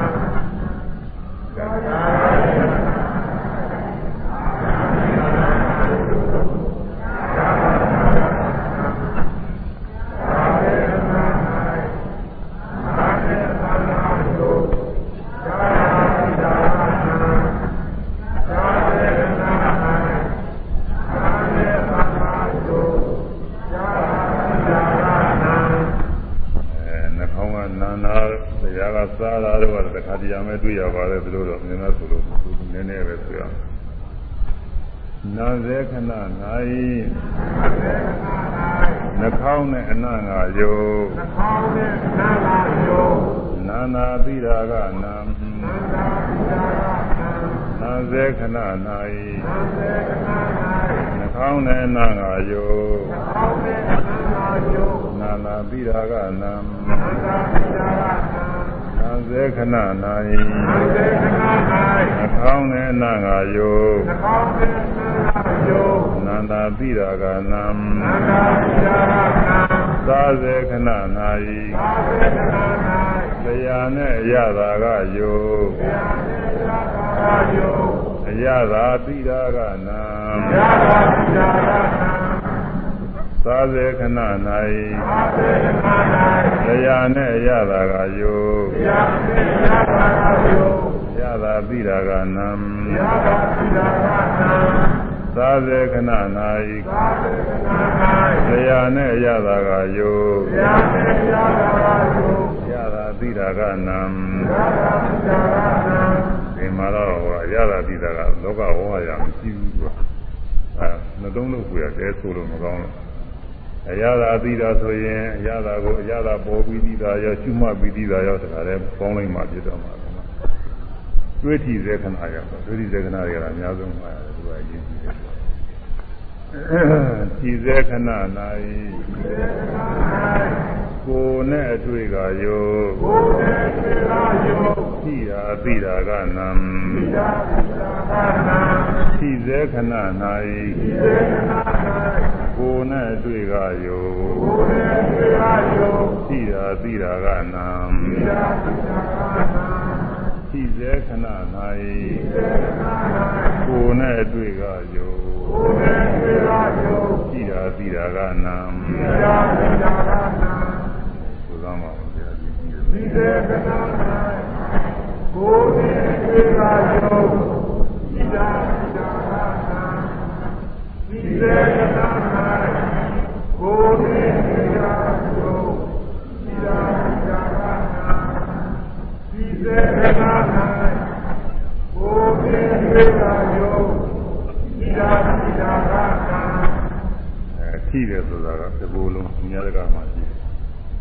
အသွေးသားသိုးနေတဲ့နေရာဆိုရင်အကုန်လုံးပဲသူကကြည့်ပြီးကြည့်တာအဲဒါကာယပဒါရပြန့်နှံ့ပြီးတည်နေတာတဲ့ကာယပဒါရကိုယ်ဆိုတာကာယပဒါရကိုပြောတယ်ဒီကိုယ်ကောင်းတယ်ကြီးပြောတာမဟုတ်ဘူး ကာယပဒါရယုတ်ဆိုတာဒီကိုယ်လုံးမှာသိုးနေတဲ့နေရာဆိုရင်အကုန်လုံးရှိတယ်အပြားလေးတနေရာလောက်လည်းရှိတာအပြားလေးနဲ့နေရာတကာကနေတွေ့ကြည့်အကုန်လုံးလူသာရှိတာဘယ်နေရာကတွေ့လို့သူကြည့်ကြည့်နေတာပဲနာနာတွေ့လိုက်လို့ရှိရင်နာတဲ့ဝေဒနာတောင်ရောက်သွားတယ်ပြီးုံနဲ့မတော့ဒုက္ခဝေဒနာတော့ပေါ်လာတယ်အဲဒါနေရာတိုင်းမှာရှိတယ် အသားတဲ့တာမဟုတ်ဘူးအယိုးတဲ့လည်းရှိတာပဲသွားတဲ့နဲ့ရှိတာအဟောကြတော်ကောင်းတယ်သွားတယ်လည်းပသာရယုတ်ကြီးနေတာအဲတော့သွားကိုသွားမှာအေးနဲ့ဖြစ်စေပူနဲ့ဖြစ်စေသွားကြည့်လိုက်သူကသိတာကြီးတယ်အေးပူကြည့်လိုက်လို့ရှိရင်သိတာပဲသူသူကြည့်လိုက်တာလည်းသူပြီးတော့တာပဲသွားကနေပြီးကြည့်တာပြီးအဲဒါနေရာတကာမှာရှိတယ်အတွင်းငါရောပြင်းငါရော အဲဒီအတွေ့အထိတွေကဝိပဿနာရှုတဲ့ပုဂ္ဂိုလ်ကသမာဓိနဲ့သောအားကောင်းလာတဲ့ခါကျမှတ်မယ်ဆိုကိုယ်အတွေ့အထိတွေပြည့်လို့ဒီလိုလုံးမှာနေရာတကာမှာရှိတယ်အဲဒါတွေအကုန်လုံးရှုနေမှနေတာပဲဒီတော့ကနေပြီးကောင်းဒီကောင်းကနေပြီးခြေတော်ဒီလက်ပြီးရောပါလို့အကုန်လုံးပေါ့တွင်းရောပြင်းရောကိုယ်ထဲမှာစိုက်ပြီးတော့ကြည့်လိုက်ရင်သမာဓိညာအားကောင်းလာတဲ့အခါဘယ်နေရာကဖြစ်ဖြစ်အတွေ့အထိလေးတွေကသင်တယ်ကြည့်ရကြည့်ရကြည့်ရမှမယ်ဆို ကြည့်လိုက်ကြောက်လိုက်ကြည့်လိုက်ကြောက်လိုက်ကြည့်လိုက်ကြောက်လိုက်အဲ့ဒါလေးတွေတွေ့ရတယ်အဲ့ဒီကြည့်တဲ့အခါကာလမှာထိယဌာနကကိုယ်ဆိုတာအဲ့ဒီထိယဌာနလေးမှာကြည့်တယ်ကာယပတာရယုတ်ကိုကိုယ်လို့ခေါ်တယ်ထိယဌာနပါပဲဘယ်ငါဟိုနားဆိုတဲ့နေရာမှာနေရကြီးတွေပါတွေကိုကြည့်ရတာမဟုတ်ဘူးလို့ပဲဒီမှာကိုယ်ဆိုတာလည်းပဲအဲလက်နဲ့ရှင်နဲ့ကောင်းတယ်လေအထယ်ကြီးကောင်းထယ်ကြီးကိုပြောတာအထယ်ကြီးပြောတာမဟုတ်ဘူးသူက ထိယဌာနအဲဒီထိသဘောလေးကိုဖမ်းပြီးတော့သိရဌာနလေးဒါလေးပဲသာယပတာရလို့ခေါ်တယ်ဒီကနေထိရဲဆိုသင်ကြားတယ်ထိရဲဆိုရင်ဘယ်နေရာကဖြစ်ရှုမှတ်လိုက်ရင်ဒီနေရာလေးအထိတာကိုနေရာလေးအထိတာပဲဆိုသင်ကြားကြည့်ပဲလို့အခုတိုင်းနေရင်လည်းပဲဟုတ်လားတရားအစိမ့်အစိမ့်ပုဂ္ဂိုလ်ထားပါတော့အာမထုဝါရီတဲ့ပုဂ္ဂိုလ်အထုကိတော်ပုဂ္ဂိုလ်တွေတော့လည်းသင်ကြားနေတယ် အာမထုဝါရီတဲ့ပုဂ္ဂိုလ်တောင်မှစိုက်ပြီးတော့ကြည့်လိုက်ရင်ညာဘက်ခြေတော့ကနေပြီးတော့ထိနေတာစိုက်ကြည့်တယ်အဲ့ဒီနေရာကသင်ကြားတာဘယ်ဘက်ခြေတော့ကထိတာသင်စားလိုက်ရင်အဲ့ဒီနေရာကသင်ကြားတာပဲခြေတော့တော့မှပြားကနေပြီးထိတာသင်စားဈာနာသင်ကြားတယ်ဘောင်ရင်းတို့ဘယ်တော့ကနေပြီးသင်စားလိုက်အဲ့ဒီနေရာကသင်ကြားတာလက်ကနေပြီးသင်စားရင်လက်ကထိတာသင်ကြားတယ်ခေါင်းနဲ့သင်စားလို့ချင်းခေါင်းနဲ့ကထိတာသင်ကြားတယ်နှလုံးသွင်းရနှလုံးသွင်းရနေပြီးအထီးလေးတွေသင်ကြားတယ် အဲဒီတော့သိရဌာနရုပ်ကလေးကကိုယုတ်တဲ့ကိုယုတ်ဆိုတာဒါလေးပဲအဲဒီကိုယုတ်တွေပြည့်နေတာကြီးတယ်ပသာရကိုပြည့်နေတဲ့ခါမှာအဲဒီအစီမမသိဘူးဒါတွေခုံးနေတယ်လို့ပြည့်ပြီးတော့သိလို့ဒီမမသိတယ်ရှိသေးတာပသာရကိုပြည့်နေတယ်မှာတော့ကိုယုတ်မရှိဘူးအဲကိုယုတ်ကောင်းနေတဲ့နေရာတွေမှာအကုန်လုံးဒီတိုင်းဒီတိုင်းဟာထိတာလေးတွေပြီးအဲဒီလို ထိရတဲ့သဘောလေးတွေကအတွေ့လို့ပြောမှာဗမာစကားကဒီလိုသုံးရတာလည်းဗမာစကားဟောရတာကောင်းကောင်းမရှိဘူးခင်ဗျအတွေ့အတွေ့ဆိုတာဟတ်တာသဘောရှိတယ်ဒါပဲမဲ့လို့တွေ့ရတဲ့အာယုံကိုခေါ်ကြစကားမရှိလို့အတွေ့ဆိုပြီးတော့သုံးတာဟောရတာတွေ့ရတဲ့သဘောလေးတွေ့ထိရတဲ့သဘောလေးပဲအတွေ့အဲဒီတွေ့ထိရတဲ့သဘောဟာဘယ်လိုဟာတွေတုံးဆိုလို့ရှိရင် ကျမ်းဂန်နာမည်နဲ့ပြောမယ်လို့ရှိရင်ပြောမယ်ဆိုလို့ရှိရင်ဖြင့်ပထဝီသေဇောဝါယောတဲ့ဒါသုံးပါပါဠိလိုကတော့သုခဝါယုဆိုပြီးနာမည်ပေးထားတယ်တွဋ္ဌိအပ်တဲ့ယုတွဋ္ဌိရတဲ့ယုတယ်ဒီလိုနာမည်ပေးတယ်သုခဝါယုသုခဝါယုလို့လည်းခေါ်တယ်ယုံကူလားအာယုံပါပဲအာရဏကအာယုံလို့ဘာသာပြန်ထားတယ်သုခဝါယုနဲ့သုခဝါယု ဗမာလိုတိတိကျကျပြန်မယ်ဆိုရင်တော့ကိုအဲထိအပ်တဲ့ယုတ်ပေါ့ထိရတဲ့ယုတ်ဝိထိရတဲ့ယုတ်ဒီလိုသိတယ်ဝိထိရတဲ့အာယုံဝိထိရတဲ့ယုတ်ဒါပဲမဲ့လို့စကားရှိနေတော့အတူလေးနဲ့ပြီးအောင်အတွေ့ဆိုပြီးတော့ဘာသာပြန်ပြောရတယ်အတွေ့ဆိုတာတွေ့ထိရတဲ့သဘောလေးပဲအဲဒီတွေ့ထိရတဲ့သဘောက၃မျိုးရှိတယ်ပထဝီအတွေ့အထိရှိတယ်ဒေဇောအတွေ့အထိရှိတယ်ဝါယောအတွေ့အထိ ဒါလေးပါးထဲမှာ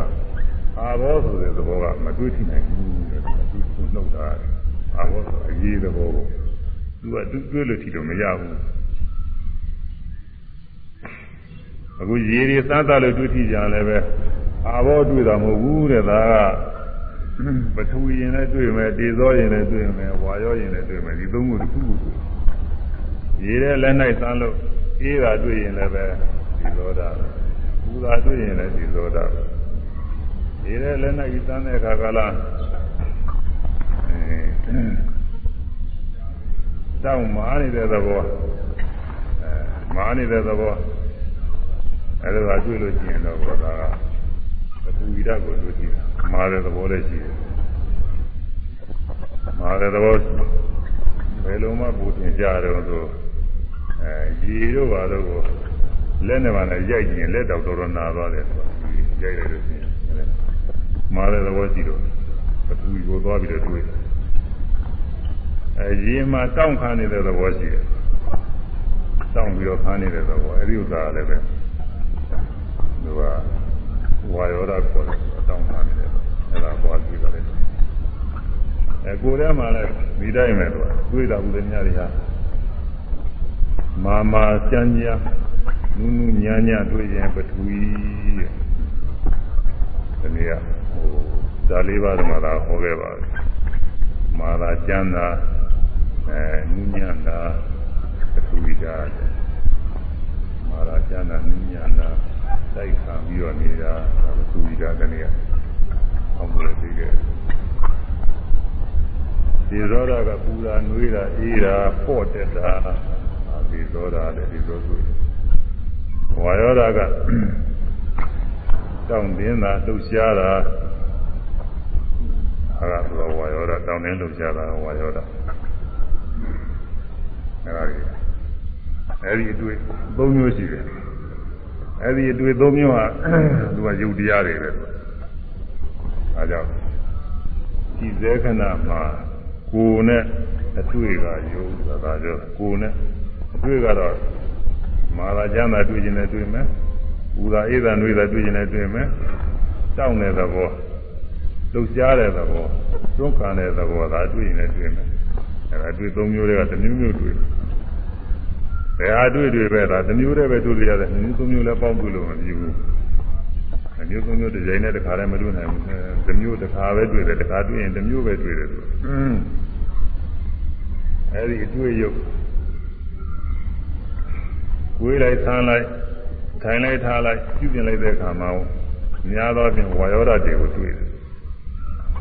အဲကိုယ်လိုက်တဲ့အခါမှာတောင်းတာတင်းတာတွန်းကန်တာလှုပ်ရှားတာအဲဒီလက်ထဲကနေပြီးတော့တောင်းတာရင်လည်းတွေ့မယ်တင်းတာရင်လည်းတွေ့မယ်တွန်းကန်တာရင်လည်းတွေ့မယ်လှုပ်ရှားတာရင်လည်းတွေ့မယ်လှုပ်ရှားတာကတော့အမြဲလိုတွေ့တယ်ကွာကိုယ်ရတဲ့လှုပ်ရှားတဲ့အခါကလား အဲဒါဝါယောဓာတ်တွေ့တာဒီထဲကနေပြီးပေါ့သွားတယ်တွေ့လို့ရှိရင်ဖြင့်ဒါသိသောဓာတ်တွေ့တော့လေးသောဓာတ်တွေ့လို့ရှိရင်တော့ကိုအဲဒါဘယ်သူရလို့ဆိုရမှာပါဒါပေမဲ့အခုလေးတဲ့ခါကလာကျအာဘောဓာလို့လည်းပြောထားတယ်ဒါကတော့အခုဒီတွေ့ပြီးမှအာဘောတွေ့မှာပါအာဘောကတွေ့လို့မဖြစ်ဘူးကွာအဲတော့အတွေ့က ကိုယ်တဲ့ဆန်းတဲ့ထိုင်နေထားတဲ့လှူရှားတဲ့အခါကာလမှာများသောအားဖြင့်ဝါယောဓာကိုတွေ့ပြီးတောင်းတာတင်းတာသက္ကနာလှူရှားတာတွေတွေ့ခုဝိပဿနာရှုတဲ့ပုဂ္ဂိုလ်တွေမှာလာလျှောက်တဲ့အခါတွေမှာကြွတယ်လှမ်းတယ်ချတယ်စသည်ဖြင့်မှတ်နေရဒီလိုခါကာလတွေမှာတောင်းတာတင်းတာလှူရှားတာတွေအများအားဖြင့်တွေ့နေတာပဲအဲတောင်းတာလေးတွေတင်းတာလေးတွေလှူရှားတာလေးတွေကြွကြတာလေးတွေဒါလေးတွေဟာသူဝါယောဓာတွေတွေ့ အဲဒါဘယ်ကနေတွေ့တော့ဆိုလက်ထဲခြေထဲကနေပြီးကိုယ်ထဲကနေတွေ့နေတာပဲလက်လို့ရင်လက်ထဲကတွေ့တယ်ခြေလို့ရင်ခြေထဲကတွေ့တယ်ကိုယ်လို့ရင်ကိုယ်ထဲကတွေ့တယ်အဲဒါကိုယ်ယုံနဲ့အတွေ့သင်ပြတယ်အဲဒါကြောင့်ကိုယ်ကိုယ်နဲ့အတွေ့ကယုံတယ်လားပဂတိပုဂ္ဂိုလ်တွေနေအားဖြင့်တော့ အဲဒါကိုပဲပုဂ္ဂိုလ်သတ္တဝါရှင်းနေတာပဲကိုယ်လိုက်ဆန်းလိုက်လို့ရှိရင်ငါပဲတောင်းနေလို့ကြတာတွေငါပဲပုဂ္ဂိုလ်သတ္တဝါရှင်းဒီမှာပုဂ္ဂိုလ်သတ္တဝါမဟုတ်ဘူးအဲတွေ့ရတဲ့သဘောလေးပဲတောင်းတောင်းတာတင်းတင်းတာတွေ့ရတဲ့သဘောလေးပဲကိုယ်နဲ့တွေ့ကယုံအဲထိတာသိတာတဲ့အဲဒီမှာကောင်းကောင်းနဲ့ဆိုးဆိုးလိုက်ထိသွားတာလည်းရှိတယ်ထိပြီးတော့နောက်ကရှုမှလိုက်လို့သိတာရှိအဲထိတာသိတာကနာ အဲထိတယ်ထိတယ်ကိုမှသမာဓိညာအားကောင်းတဲ့ခါကျတော့ကိုယ်ထဲမှာစာရည်ပြီးမှနေဘယ်နေရာကမှမှထိထိတယ်ထိတယ်မှလို့ချင်းထိတဲ့သဘောလေးထင်ရှားတယ်ထိတယ်လို့မှတ်သိလိုက်တဲ့သဘောလေးလည်းထင်ရှားတယ်ထိရဌာနကထိရတဲ့သဘောလေးထင်ရှားတယ်ထိရဌာနလေးလည်းထင်ရှားတယ်အဲထိရဌာနဘယ်နေရာကပဲထင်ရှားတာကိုယ်ယုတ်ကလေးထင်ရှားတယ် ဒါတော့တွေ့ထိရတဲ့သဘောအဲဒီမှာနှွေးကနေအေးကနေစသည်ချင်းတွေ့ထိရတဲ့သဘောလေးရှိတယ်အဲတွေ့ထိရတဲ့သဘောလေးကသူအတွေ့လေးပဲအဲဒါဉာဏ်နုညာနဲ့ပထဝီတွေ့ထိတာဖြစ်ရင်လည်းဖြစ်မယ်ပူနွေးအေးရဲ့ဝါရအာဖန်သေသောတွေ့ထိတာဖြစ်ရင်လည်းဖြစ်မယ်အဲတောင်းနေတဲ့လှုပ်ရှားတဲ့သွန်ကန်တဲ့ဝါရတွေ့ထိတာရင်လည်းဖြစ်မယ်အဲဒီအတွေ့အကြုံသုံးပါးတဲ့တမျိုးမျိုးဖြစ်မှာပဲ အဲဒါကယုတ်တရားအဲဒီတွေ့ထိတွေ့ထိတဲ့အတိုင်းပဲနုညာနုညာနဲ့အဲကျမ်းမ်းနဲ့ပူတယ်အေးတယ်စသည်ဖြင့်ဟိုကသိပြီးသွားတာလေဒါလည်းပဲသူကအတိအပြီးလေးပဲသူလည်းပဲနားမယ်သိတာတဲ့သိတာနားတယ်သိပြီးတာလေနောက်တစ်ခါရှုမှလိုက်လို့သိသွားတယ်ဟိုကသိရဲ့လို့ရှုတဲ့သိလေးပြီးလေးရှိတယ်အဲ့ဒါကလည်းနားတယ်က အဲ့တော့ဒီစေခဏမှာယောဂီပုဂ္ဂိုလ်မှတ်တိုင်းမှတ်တိုင်းဟာယုံနေတာလေးတွေဒီလိုကွဲပြီးတော့သင်ကြားနေတယ်ကိုယုံနဲ့ကိုယုံဆိုကြည့်ရတာနာပေါ့ကိုယုံနဲ့အတွေ့နဲ့ကိုနဲ့အတွေ့ကယုံသူကအသေးသဘောပဲအဲထိသိသွားတာရဲ့မှတ်လို့သိသွားတာရဲ့ထိတာသိတာဒီနှစ်ခုကနာအကျင့်သဘောပဲ ဒါလေးနှစ်ခုရှိတယ်လို့ဆိုတာသိတယ်ဒီပြတနည်းအားဖြင့်လဲကိုယ်ရဆန်းနဲ့လှုပ်ရှားတဲ့အခါကာလတွေမှာတော့ယုံနေတာနှမျိုးကွဲတာလည်းရှိတယ်ဘယ်လိုတော့ဆိုတော့ကိုယ်မယ်ဆန်းမယ်လှုပ်မယ်ကြံတဲ့နာလေးကလည်းထင်ရှားတယ်ကိုယ်လည်းဆန်းလိုက်လှုပ်ရှားလိုက်အဲလှုပ်ရှားတဲ့ရုပ်ကလည်းထင်ရှားတယ်အဲဒီလိုလည်းပဲယုံနာနှစ်ခုထင်ရှားတယ်ပြီးတော့မှားတဲ့စိတ်ကလေးကလည်းတစ်ခုထင်ရှားတယ်အဲတော့ အဲဒါကိုယ်ရဲ့ခဏနိုင်ဒါလေးခွဲကြအောင်လေဒါဒီဥပဒနာအများမှတ်နေတာကိုယ်စေခဏ၌ကိုယ်စေခဏ၌ကိုယ်ကျင်တာနဲ့ကိုယ်ကျင်တာနဲ့မတ်တိရာကနံမတ်တိရာကနံကိုယ်ရာလှုပ်ရှားတာကယောကိုယ်ရာလှုပ်ရှားတာကယောကိုယ်စေခဏ၌ကိုယ်စေခဏ၌ကိုယ်ကျင်တာနဲ့ကိုယ်ကျင်တာနဲ့မတ်တိရာကနံ မတ်တိရာကနံကိုယ်ရာလှုပ်ရှားတာကယောကိုယ်ရာလှုပ်ရှားတာကယောဝိဇေခဏ၌ဝိကျင်နာနဲ့မတ်တိရာကနံဝိရာလှုပ်ရှားတာကယု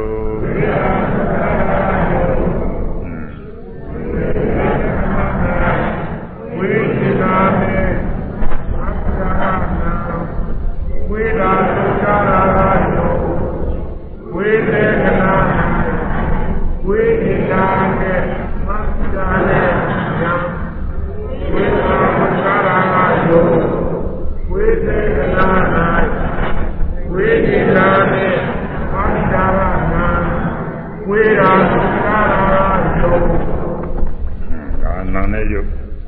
မရူပပရိစ္ဆေယညာနာငါစလာတယ်ရှိတယ်နော်နာမရူပနာနဲ့ယုတ်ပဲကိုယ်မယ်ဆာမယ်ထိုင်မယ်ထားမယ်သွားမယ်လာမယ်အကုန်လုံးဘောတခါတည်းဒီတစ်ခုပြီးရင်အကုန်လုံးသိရတယ်လားအဲဒီလိုသုံးတစ်ခုအမူအရာလေးပြုလုပ်မလို့ကြာနာလေးကနော်အဲ့ဒါလေးလည်းမှားလိုက်သေးတာပဲကိုယ်ချင်းကိုယ်ချင်းနဲ့ဆန့်ကျင်ဆန့်ကျင်နဲ့ထိုင်ရင်ထိုင်ရင်နဲ့ဒါလေးမှားလိုက်သေးမှတ်သိတာလေးလည်းပါသွားတယ်ကိုယ်ချင်းသားနဲ့မှတ်သိတယ် နောက်တော့ကိုယ်တာနောက်တော့ကိုယ်မှုရောက်လာအဲကိုယ်တဲ့ခါကျတော့ကိုယ်တယ်ကိုယ်တယ်မှတော့လက်ထက်ကနေပြီးတော့အဲတောင်းတင်းလှုပ်ရှားတဲ့သဘောအဲဒီဥစ္စာကွေးတယ်လို့ပဲလောကဝါယာချင်းခေါ်ရတယ်မှာတော့ကိုယ်ထဲမှာယောဂီပုဂ္ဂိုလ်မှာသင်ကြတာတောင်းတာတင်းတာလှုပ်ရှားတာတရွေ့တရွေ့ချင်းတောင်းလိုက်ဆင်းလိုက်ရွေ့လိုက်ရွေ့လိုက်ရွေ့လိုက်ကြောက်ကြောက်ဆိုတာလေးတွေဒါလေးတွေသင်ရတာအဲ့ဒါလေးတွေကယုတ်တရားပဲသူတို့ကအာရုံမသိတာဘူး အဲ့ဒီမှာလည်းကိုယ်ရကိုယ်ရလို့မှတ်တယ်မှတ်တယ်အပြီးလေးတွေလည်းပါတယ်မှတ်သိတာလေးတွေလည်းပါတယ်အဲ့ဒါတွေအကုန်လုံးပေါင်းပြီးတော့ကိုယ်ကျင်တာနဲ့မှတ်သိတာကနာ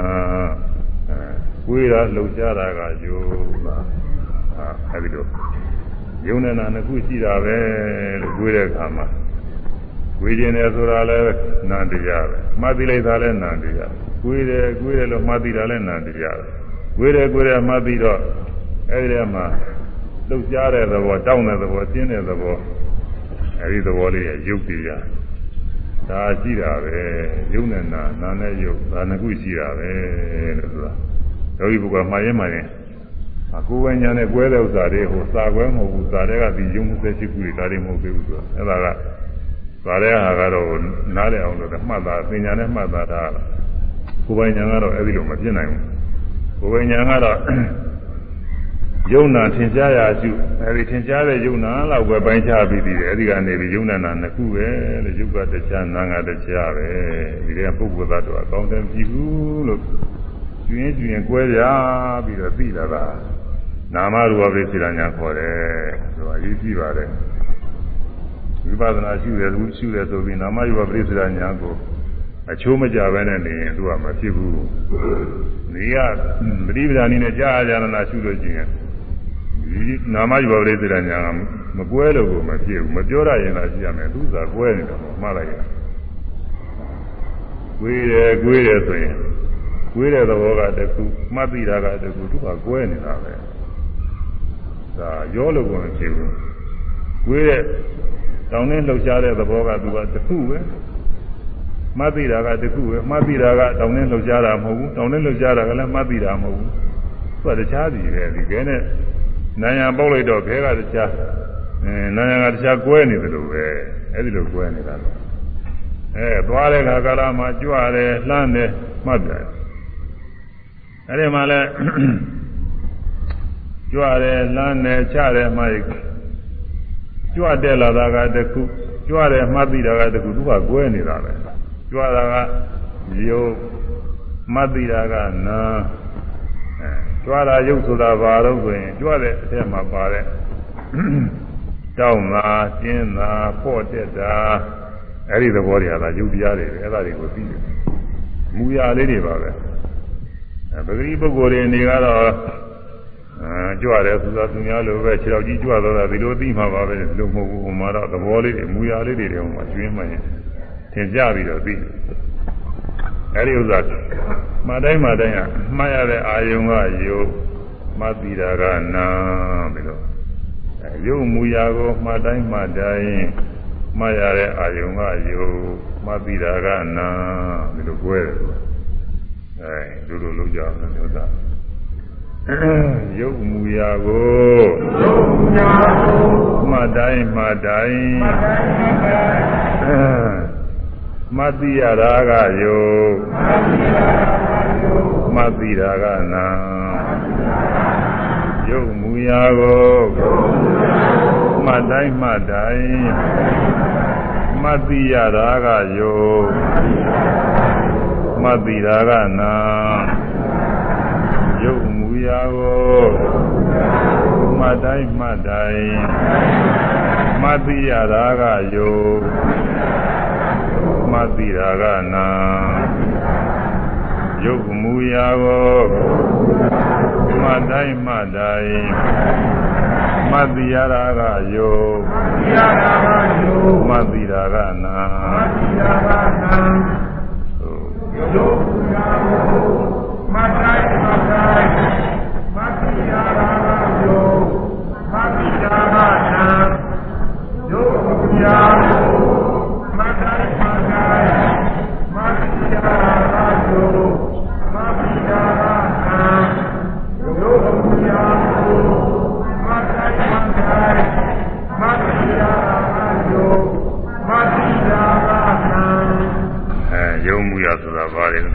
ဆိုကိုယ်တာသံသာထိုင်တာထားတာအကုန်လုံးပေါ့လေအောင်းတာပင်တာလည်းပါတယ်အောင်းတယ်မှရင်အောင်းတာကယုံမှုရပဲကိုယ်မှုရပဲအဲဖောင်းတက်လာတာကယုံမသိတာကနာကွဲနေမကွဲလို့ကိုမဖြစ်ဘူးသမာဓိညာအားကောင်းလာလို့ရှိရင်မှားလိုက်ရင်ဒီကဂဲလေးနဲ့ပြစ်လိုက်တာလို့ပဲတခါလေဟိုမှာမသိစရာလေးကဝါပေါ်လာတဲ့ဒီကမှားလိုက်တာနဲ့ရတာအာယုံနဲ့အသိနဲ့တခါလေဆိုင်ကြတော့အာယုံကတခြားပဲအသိကတခြား အောင်းတက်လာတဲ့သဘောတွေကတခြားမှတ်တိလိုက်တာလေးကတခြားဒီလိုကွဲလာတယ်အဲ့ဒါနာနဲ့ရုပ်နဲ့ကွဲလာတာနာမရူပပရိစ္ဆရာညာဆိုဒီလိုဖြစ်ရတယ်ဘယ်ဟာမှမရုပ်မှလို့ရှိရင်ရုပ်အာယုံလေးကတခြားမှတ်တိတာလေးကတခြားဒီလိုကွဲရတယ်အဲဒီလိုကွဲကြနေလို့ရှိရင်ဒါနာမရူပပရိစ္ဆရာညာဒီလိုမှမကွဲပြားသေးပဲနဲ့ဝိပဿနာဉာဏ်နဲ့ဟိုတက်ပြီးတက်နေတာမျိုးစားတွေကသိပြီးတော့သဘောမကြောက်ဘူးမပြောရရင်လည်းကြည့်ရမယ်ညာနဲ့တော့ဒီလိုကွဲရမယ်မှတိုင်းမှတိုင်းအာယုံလေး မသိရတဲ့အာယုံလေးကတခြားမှသိနေတဲ့စိတ်ကလေးကတခြားဒီလိုကွဲရမယ်အဲဒီလိုကွဲနေတာနာမယုပပရိစ္ဆာညာခေါ်တယ်အဲဒီကနာနဲ့ရုပ်ကွဲပြပြီးတော့စင်တိုင်းရှုမှလာလို့ရှိရင်အကြောင်းကျိုးလေးတွေထိုက်ပြရလို့ဆိုတာပြီးပါတယ်ဒါကတော့ဝိညာဉ်မိသလောက်ပဲပြီးတယ်ပိဿသမုပ္ပါအကျယ်ကြီးရလို့မဟုတ်ဘူးသူကအကြောင်းနဲ့အကျိုးတော်တာပြီးတာလည်းရှိတယ်ဒီကျိုးလည်းတော်တော်ကျေကျေမှန်ပြီးတယ်အ ਨੇ ဆုံး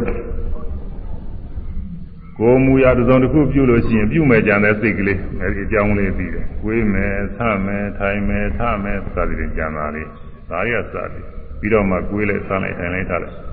အဲဒါလေးတွေရှုရမှန်းပြီးတော့ကိုယ်မှုတစ်ခုဖြစ်ဖို့ရဘယ်သူကလုပ်ပေးတယ်လဲဘယ်သူမှလုပ်မပေးတာမဟုတ်ဘူး။ကိုယ်မယ်ကြံတဲ့စိတ်ကလေးကြောင့်ကိုယ်ရုပ်ကလေးဖြစ်လာတယ်ဆမယ်ကြံတဲ့စိတ်ကလေးကြောင့်ဆရုပ်ကလေးဖြစ်လာတယ်ဆိုတာအကြောင်းနဲ့အကျိုးလေးတွေပိုင်းခြားပြီးတာ။ဒါက ပြစ္ဆပရိက္ခညာခေါ်တယ်အာယုံလေးတွေရှိလို့အပိလေးတွေဖြစ်ရတယ်။ဖောင်းတာရှိလို့ဖောင်းတယ်မာသီတာဖြစ်ရတယ်။ဘိန်းတာရှိလို့ဘိန်းတယ်မာသီတာဖြစ်ရတယ်။ကိုယ်တာရှိလို့ကိုယ်တယ်လို့မာသီတာဖြစ်ရတယ်။ဈဉ္ညာသွားနေတဲ့အခါကြွတာရှိလို့ကြွတယ်လို့မှတ်သိတာလေးဖြစ်ရတယ်။လှမ်းတာရှိလို့လှမ်းတယ်လို့မှတ်သိတာလေးဖြစ်ရတယ်။စသည်ချင်းပေါ့လေအာယုံရှိလို့အတိလေးတွေဖြစ်တယ် အဲအလွတ်ဖြစ်တဲ့စိတ်ကူးတဲ့အာယုန်တွေပေါ်လာတာရှိသေးတယ်အဲဒီအာယုန်တွေရှိလို့လည်းပဲအပြီးပြီးလေးဖြစ်ရတယ်အာယုန်မရှိရင်အပြီးဆိုတာမဖြစ်နိုင်ဘူးအာယုန်မရှိရင်သူကစိတ်အာယုန်မရှိဘဲနဲ့သိအောင်ဖြစ်နိုင်အာယုန်လေးရှိမှဘာနဲ့တူတယ်လဲဆိုရင်စိတ်နာတရားများအားမရှိတဲ့လူမမာများအားဒီကိုယ်အားမရှိတဲ့လူမမာများအိယာကထားတော့မယ်ဆိုရင် အာပြုစရာတွေရှိရတယ်။ကြိုင်ရင်လည်းပဲသွဲကြိုင်ပြီးတော့ထားရတယ်။နာရရင်လည်းပဲအာပြုပြီးတော့ထားရတယ်။ဒီတိုင်းမထားနိုင်တော့မို့တောင်ဝင်းနဲ့ဗာနိုင်လည်းထောက်ပြီးတော့ထားရတယ်။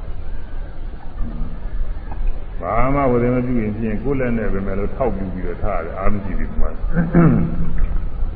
အဲ့ဒါလိုပဲနန္တရားကသူ သူ့သက်သက်ဆိုရင်ဖြစ်နိုင်ဘူးတဲ့အာမရှိတဲ့လူမှန်လိုက်တူတယ်အာယုံလေးကိုတွဲမိရမှာမြင်စရာအာယုံလေးကြားစရာအာယုံလေးအဲနားစရာစားစရာဒုတိစရာအဲသိကူတဲ့ပေါ်လာတဲ့စဉ်းစားစရာအာယုံလေးအဲဒီလိုအာယုံတစ်ခုခုရမှာပဲသိဆိုတာဖြစ်နိုင်တယ်အာယုံကိုပြီးပြီးတော့ဖြစ်ရတယ်ပြီးတော့ ဝိပဿနာရှုနေတဲ့ပုဂ္ဂိုလ်ကအာယုံလေးပေါ်လာတဲ့အသိစိတ်ကလေးဖြစ်လာတာတွေကခဏခဏမှတ်နေရတော့အာယုံရှိလို့အသိစိတ်ဖြစ်ရတာပဲအာယုံကြောင့်အသိစိတ်ဖြစ်ရပြီဟောတာပေါ်လာပထမစိတ်ကူးထားတဲ့ဘာလို့အောင်မဲ့ဘယ်သွားအောင်မဲ့စိတ်ကူးထားတော်တော်ကြတော့အသိစိတ်ကူးပြန်ပေါ်လာပြီးတော့ရှင်းစိတ်ကူးရှိလို့နောက်စိတ်ကူးလည်းဖြစ်ရတယ်အကြောင်းကျိုးလေးဆက်ဆက်ပြီးတော့သူကပေါ်လာအဲဒီတော့အကြောင်းနဲ့အကျိုးများရှိတာပဲလို့ကျွင်းကျွင်းသဘောကျလာတာ ဒီဇာပရိကညာခေါ်တယ်အဲရှုရမှအာယုံလေးအစပေါ်လာတယ်ပထမပေါ်လာတယ်အမှန်တော့ကြတော့တဖြည်းဖြည်းမှားရင်မှားရင်လည်းပြောက်သွားမရှိတော့ပေါ်ပြီးပြောက်သွားလို့မမြဲတဲ့တရားပဲလို့ယောဂီပုဂ္ဂိုလ်ညာနဲ့သင်ကြလာသမတနာညာခေါ်တယ်အိဋ္ဌမမြဲဘူးဆိုတော့သုံးသတ် အာယုန်နမိတ်တွေမှာပို့ပြီးတော့ထင်ကြတာအာယုန်နမိတ်ကလေးတွေထင်လာရောမြင်တယ်မြင်တယ်မှရင်တဖြည်းဖြည်းနဲ့တော့ကျတော့ပြောက်သွားရင်မမြဲတဲ့တရားပဲအာယုန်ကမမြဲတာတော့မဟုတ်အဲ့ဒီမှာအာယုန်သိနေတဲ့အာယုန်ကိုထင်မြင်နေတဲ့အထင်အမြင်စိတ်ကလေးတွေကမမြဲတာပဲအဲ့ဒါလေးတွေပြောက်သွားမြင်တယ်မြင်တယ်မှနေတော့ကြတော့ပြောက်သွားမမြဲတဲ့တရားပဲဝေဒနာလေးတွေပေါ်လာတယ် ကိုယ်ရဲ့ညောင်းတာပူတာလေးတွေစိုက်ပြီးတော့မှညောင်းတယ်ညောင်းတယ်ပူတယ်ပူတယ်မှတော့ကြတာပြောက်သွားမမြဲတဲ့တရားပဲရှင်းတော့ကတော့ဒီလိုပြောက်သွားတာပဲသိလိမ့်မလို့မကျွေမခင်ကမသိဘူးမျိုးသားတွေကကိုယ်ထဲမှာညောင်းတာပူနာတာကျင်တာကဲခဲတာပြောက်သွားတာရဲ့လို့မသိဘူးအခုတော့ရှုမှန်နေရင်ပြောက်ပြောက်သွားတာလေးတွေတွေ့ရတာမမြဲတဲ့တရားတွေပဲသဘောကျတယ်သမထနာညာခေါ်တယ် အဲအိဋ္ဌမမြဲတာသုံးသတဲ့ဒုက္ခဆင်းရဲပဲလို့သုံးသတဲ့အနာတ္တပုဂ္ဂိုလ်သတ္တဝါမဟုတ်လို့သုံးသတဲ့အဲဒီကနေအစဉ်တိုင်းတက်လာတော့ရှုမှပြီးတက်လာလို့ရှိရင်ခဏချင်းခဏချင်းဖြစ်ပြီးပြောက်သွားတာတွေ့ရတယ်။သမထနာညာကဖြစ်ပြီးပြောက်သွားလို့မမြဲဘူးဆိုမှချက်ချင်းမဟုတ်သေးဘူးတော်လေးကြာမှပြောက်တယ်သူကချက်ချင်းချက်ချင်းပြောက်တာမဟုတ်သေးဘူး။အဲဥရိယဘေယအဖြစ်အပျက်ကလေးတွေပြီးတယ်ဆိုတဲ့အခါကျတော့ ဖြစ်ပြီးပြောက်ဖြစ်ပြီးချက်ချင်းချက်ချင်းပြောက်သွားတာလေးတွေ့ရတယ်။အဲဒီကနေပြီးတက်လာတဲ့အခါကျတော့အပြည့်တွေခင်းလာတယ်။ကျဲကြည့်တယ်အပြည့်ဆိုတာပြောက်တာပါပဲ။အကျိုးအပြည့်ဆိုလို့ချင်းအင်ကြီးပြူသွားသလိုအဲမိလောင်သွားတော့ကိုပြာကျသွားသလိုဒီလိုအောင်းမေးတာဒီလိုမဟုတ်ဘူးဆိုတာယုံနာတရားတွေမရှိတဲ့တရားတွေအသစ်ပေါ်လာတာကိုဖြစ်တယ်လို့ခေါ်တယ်ပေါ်ပြီးသားတရားလေးမရှိတော့ဘူးပျောက်သွားတာကိုပြည့်တယ်လို့ခေါ်တယ်လို့ ကောင်းငင်မှာလျှာစည်းလက်တာနဲ့ဥပမာပေးတာလျှာစည်းရောင်လက်လာတဲ့အခါအစမရှိသေးဘဲနဲ့လက်ကနေရောင်လေးပေါ်လာတာဖြစ်တယ်လို့ခေါ်တယ်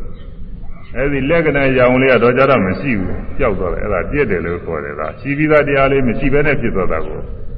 ကြောက်တယ်လို့ခေါ်တယ်အသာကမရှိတဲ့သဘောတစ်ခုအသစ်ပေါ်လာတာကိုဖြစ်တယ်လို့ခေါ်တယ်နော်ပဂရိပုဂ္ဂိုလ်တွေဆိုရင်တော့အဲဒီလို ကိုယ်တည်းကယုံနာနေအစပေါ်လာတာလည်းမတွေ့ပါဘူးအလယ်ပိုင်းလောက်ပဲတွေ့အလယ်ပိုင်းလောက်တွေ့တော့လည်းကြောက်သွားတယ်လို့မတွေ့ဘူးကြာကြီးနေမှပဲသူကအဲတီးနေတယ်လို့ထင်တယ်ဝိပဿနာရှုတဲ့ပုဂ္ဂိုလ်မှာတော့ပေါ်ပေါ်ချင်းပေါ်စာလေးလည်းပဲသိတယ်။ကိုယ်ရဲ့အမျက်စာကြီးပြီးတော့ရှုနေတော့ကိုယ်ရဲ့သုံးတစ်ခုဖြစ်လာရင်အဲဒီဖြစ်လာတာလေးစသိတယ်။သိကူးလေးဖြစ်လာရင်သိကူးလေးချက်ချင်းသိတယ်။အဲဝေဒနာလေးညောင်းတာပူတာလေးတွေဖြစ်လာရင်အဲဒါလေးချက်ချင်းသိတယ်။ အဲသိပြီးတော့ကြောက်သွားတာလည်းသိတယ်သူက။မှားရင်ပဲရုပ်နဲ့တခါတည်းမရှိဘဲနဲ့ပြောက်ပြောက်သွားတယ်။အဲဒါကအပြည့်ပြည့်သိတယ်ဥရိယပြညာနဲ့အဲဒီကလွန်သွားတဲ့ခါတော့ပေါ်လာလေးမထင်ကြဘဲနဲ့ကြောက်တာကြီးတယ်ထင်ကြတယ်မှားလိုက်ရင်ကြောက်သွားမှားလိုက်ရင်ကြောက်သွားအာယုံရောသိရောကြောက်ကြောက်သောတာကြီးတွေတွေ့နေရတယ်တဲ့ခေါင်းကအဲမြင်စေခဏမှာယုံနဲ့နံခ န္ဓာ၅ပါးကြားစေခဏမှာယုံနဲ့နံဘယ်ဟာဖြစ်ဖြစ်မတိုင်းမတိုင်းဟာပေါ်ပြီးရင်ပျောက်သွားတယ်ပျောက်သွားတာကြီးတွေတွေ့ရတယ်မြင်တာမှလည်းပျောက်သွားကြားတာလေးတွေအသံလေးတွေမှလည်းပျောက်သွားကိုယ်တွေကအတွေ့အထိတွေမှလည်းပျောက်သွားကိုယ်သာသံသာလေးတွေမှလည်းကြည်ကြည်နဲ့ပျောက်သွားဖောင်းတာပိန်တာတွေလည်းပဲရိတ်ကနေရိတ်ကနေပျောက်သွားတာပဲသင်ကြားနေဘုံသာနာအထေရမရှိဘူးပဂရိအစမဂ္ဂသာတုန်းကဆိုလို့ရှိရင် ကျူရမယ်ဆိုလို့တော့ကျူနေရတာလက်တွေခြေတွေနဲ့ဒီတိုင်းပါပဲဘိုင်းနဲ့တခါလဲဘုံသာနာထေရကြီးနဲ့ဒီလိုပဲဖြစ်တယ်အဝိပဿနာညာသင်္ကညာတရားရင့်လာတဲ့ခါကျတော့ပုံသဏ္ဍာန်ထေရမပေါ်တော့ဘူးရိတ်ကနေပြောက်လဲရိတ်ကနေပြောက်လဲရိတ်ကနေပြောက်လဲဒီလိုသာဖြစ်နေဒါရင်မဟုတ်သေးဘူးမှသိနေတဲ့စိတ်ကလေးတွေပါပျောက်သွားတယ်နော်ကိုယ်ရမှားရင်ရွေ့ကနေတရွေ့ပြောက်လိုက်ကိုယ်ရလို့မှားသိတာလေးပျောက်သွားလိုက် နောက်တစ်ခါတရွေ့ရွေ့လိုက်ကိုယ်ရလို့အသီလေးအဲ့ဒီအသီလေးလည်းပျောက်သွားလိုက်ဒီလိုပဲအဲတကွေးတကွေးမှာအရွေပေါင်းလည်းအများကြီးအသီပေါင်းလည်းအများကြီးပဲကိုယ်တယ်ကိုယ်တယ်ရွေ့တယ်ရွေ့တယ်ဆိုတာရွေ့လိုက်ကြောက်လိုက်ရွေ့လိုက်ကြောက်လိုက်ပြီးလိုက်ကြောက်လိုက်ပြီးလိုက်ကြောက်လိုက်ဒီလိုလိုက်လာတာပညာရှောင်းနေတဲ့ခါလည်းပဲကြွတယ်လမ်းတယ်ချတယ်ဆိုရင်အဲဒါရွေတိုင်းရွေတိုင်းတရွေကတရွေမရောက်ခိုင်းနဲ့အရွေလေးတွေရွေပြီးပြောက်အသီလေးတွေပြီးပြီးပြောက်ကြောက်လိုက်တာတွေတွေ့ရတယ် အဲဒါမင်္ဂညာခေါ်တဲ့အပြည့်တွေတွေ့တာတဲ့အဲဒီလိုအပြည့်ကြီးတဲ့တွေ့ရတော့မမြဲဘူးဆိုတာအမှန်ရှင်းနေပါလေအဲပေါ်လာတဲ့အာယုန်တွေလည်းကြောက်ပြောတော့တာကြီးတယ်ဆိုတော့မြဲတယ်လို့ပဲမဆွဲလန်းကြရှိတော့မလဲမသိတဲ့စိတ်ကလေးအတွင်းကလည်းပဲသိပြီးပြောသိပြီးပြောဆိုတော့သူကလည်းဆွဲလန်းကြမရှိဘူးဒီဒီလို မသိတဲ့စိတ်ကလေးနှလုံးသွင်းတဲ့စိတ်ကလေးရဲ့အပြည့်ကိုမမြင်ပါပဲနဲ့အဲယုံနာတရားတွေခဏမစက်ပြည့်နေတယ်လို့နှလုံးသွင်းနေလို့ရှိရင်အဲ့ဒါကတော့အာယုံကပြည့်နေပြီမဲ့လို့နှလုံးသွင်းတဲ့စိတ်ကလေးကမြဲနေတာတည်းဆိုနှလုံးသွင်းတဲ့စိတ်ကလေးစင်ញတဲ့စိတ်ကလေးရဲ့အပြည့်ကိုမမြင်ရဘူးပဂရိတိုင်းစဉ်းစားဆင်ခြင်ပြီးရှုတဲ့ဝိပဿနာတွေဆိုရင်ဒီလိုကြီးတယ်ပဲသူကအာယုံသာသူတို့ဟာအာယုံတွေကခဏယူတာကို ကိုယ်ထဲမှာတရားရဓမ္မမှန်တခါတည်းပြည့်နေတယ်ဆိုပြီးတော့ဆင်ခြင်ယူတော့ဆင်ခြင်မှများတော့လေသူနှလုံးသွင်းတဲ့ရွာကြောင်ဝါးတွေပြည့်နေတယ်လို့ထင်တာပေါ့သူကဒါ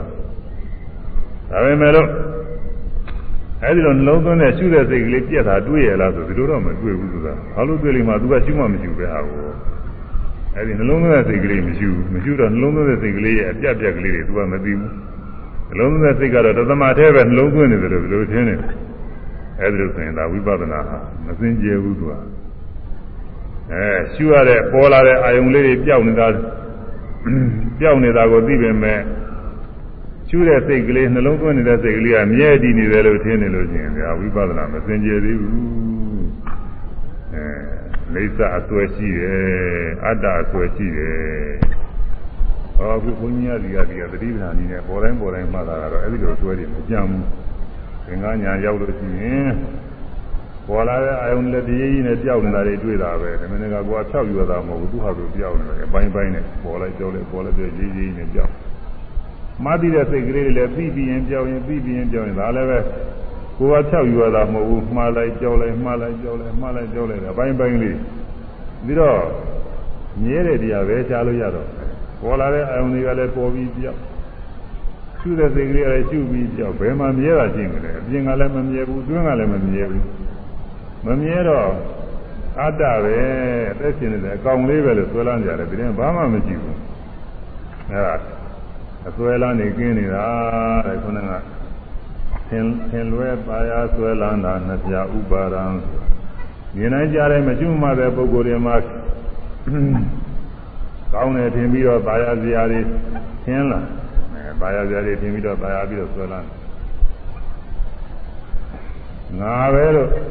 အဲထင်ပြီးတော့လည်းပဲဆွဲလန်းညာကလည်းပဲငါပဲကြားကလည်းငါပဲသင်စရာတွေပေါ့အဲဒီလိုပဲသင်မြင်ဆွဲလန်းနေအခုသင်္ကညာရောက်ပြီးမြင်တိုင်းကြားတိုင်းနေရာတည်ရည်နဲ့မြင်ရကြရတွေကလည်းပေါ်ပြီးပြောက်မှတ်ပြီးတဲ့စိတ်ကလေးလည်းသိပြီးပြောက်ရင်းနဲ့ပြောက်ပြီးတော့နေတာကြီးတဲ့တွေ့ရတဲ့အခါ ဘယ်မှာဆွဲလန်းကြရှိမလဲ။ပါရကြလည်းဘယ်မှာချလို့မရဘူး။ရှိတော့ဘူး။ငါပဲလို့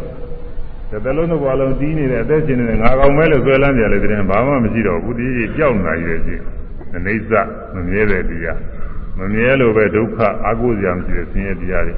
။အဲမမြဲလို့အာကိုစရာမရှိလို့အနာတ္တဘာမှအဆုံးမရဘူး။မြဲအောင်လည်းမတတ်နိုင်ဘူး။ အာကိုစရာဖြစ်အောင်ချမ်းသာနေရခြင်းလည်းဖြစ်အောင်မတတ်နိုင်ဘူးသူသဘောတည်းဖြစ်ပြနေတာပဲဆိုတာယောဂီပုဂ္ဂိုလ်ညာမှာကျင့်နေရတယ်ဒီလိုသိရတယ်မပြောရရင်လည်းရှိရမယ်ဒီရှိတိုင်းမှတိုင်းဒါဒီပြီးပြီးလေးတွေရောက်သာတတိဖြစ်စေမနာတိဖြစ်စေပဲသာမဏေလည်းပဲသူကအသိဉာဏ်ကောင်းတဲ့ပုဂ္ဂိုလ်မှာရှင်းနေတာပဲဒီဥစ္စာလေးတွေကတည်ရည်ရင်းနဲ့ကြောက်နေတော့မမြဲတဲ့တရားကြီးတွေပဲပေါ်တဲ့အပြင်ကညာကြရပေါ်လာတာတွေကလည်းပဲ ဒီနဲ့ကြောက်နာမမြဲတဲ့တရားပဲရှုမှသိနေတဲ့စိတ်တွေကလည်းသိပြီးကြောက်သိပြီးကြောက်မမြဲတဲ့တရားပဲမမြဲတော့ဒီဟာတွေကချမ်းသာပဲလို့ဆွဲလန်းစရာမဟုတ်အာကိုးစရာမဟုတ်ဆင်းရဲတရားပဲအဲ့တော့ဒီပြောင်းတဲ့တရားတွေအသက်ရှင်နေတဲ့အကောင်လေးပါလို့လည်းဆွဲလန်းကြပဲရှိမလဲသူကသူသူသဘောတိုင်ပြည့်နေတဲ့တရားတွေပဲတပြည့်တည်းပြည့်နေတဲ့တရားတွေပဲဆိုရှင်းလာအဲဒီလိုပြီးတော့ဇနာနဲ့ဆွဲလန်းမှုဥပါဒမဖြစ်နိုင်ဘူးတဲ့ ဒိဋ္ဌိနဲ့ငါကောင်ပဲလို့ဆွဲလန်းမှုဥပါဒမဖြစ်နိုင်ဘူးအဲဒီဥပါဒနဲ့ကျင်းအောင်တော့ကျူရတာကိုဒါကဟိုဥပါဒနဲ့ခန္ဓာနဲ့စပြီးတော့ပြောတာမှန်ကတော့ကိလေသာတွေအကုန်ကျင်းတယ်တဲ့အဲဒီရောက်လို့ချင်းတစ်ခါမှလိုက်အဲဒီမှားရတဲ့အာယုန်နဲ့စပ်ပြီးတော့မှတ်သိရတဲ့အာယုန်နဲ့စပ်ပြီးတော့ဖြစ်မဲ့ကိလေသာတွေမဖြစ်ဘူး။ဘာယာမဲ့ကိလေသာတွေမဖြစ်ဘူး။ငါပဲလို့အထင်မှားမဲ့ဒိဋ္ဌိတွေမဖြစ်ဘူး။ အဲဒီကိလေသာတွေကဆက်ပြီးဖြစ်မဲ့ကုသိုလ်ကအကုသိုလ်ကနဲ့လည်းအာမထုတ်နိုင်ဘူး။ဒီကံကအကျိုးပေးမဲ့ဥစ္စာဆိုတော့ကာမမရှိပဲဘယ်နဲ့လို့အကျိုးပေးမလဲ။ပေးနိုင်ဘူး။မျိုးစီမကျေပဲနဲ့အပင်ပင်ပေါက်နိုင်မလဲပေါက်နိုင်ဘူး။ကာမမရှိတော့ဘူး။အကျိုးပေးနိုင်ဘဝအသင်မဖြစ်နိုင်ဘူးဘဝအသင်မှာမရှိတော့အဲ့ဒီဘဝအသင်မှာဇာတိပြိဋိနေရခြင်းပဲရှိမလဲဥရခြင်းပဲဖြစ်နိုင်မလဲလို့အဲကောင်းကင်မှာဆေးရည်လို့မရတယ်လို့ သိရခြင်းမရှိဘူးအဲ့ဒါသူသားကြီး၅ဦးခန္ဓာ၅ပါးဤဟူသောသူသားကြီး၅ယောက်ကမတတ်နိုင်တာတဲ့တခါမှန်လိုက်သူသားကြီး9ယောက်ကလက်ကတခါလွတ်သွားတာပဲသုံးညာတော်လောကအဝိခတုမောဂရဇသဒ္ဒတတော သုံးညာတော်လောကအဝိခတုမောဂရဇသဒ္ဒတတောမောဂရဇမောဂရဇယေသိလောကလောကသုံးညာတော်အတ္တမှာစိတ်ပြီးဝိခတ်သူရှုလေတော့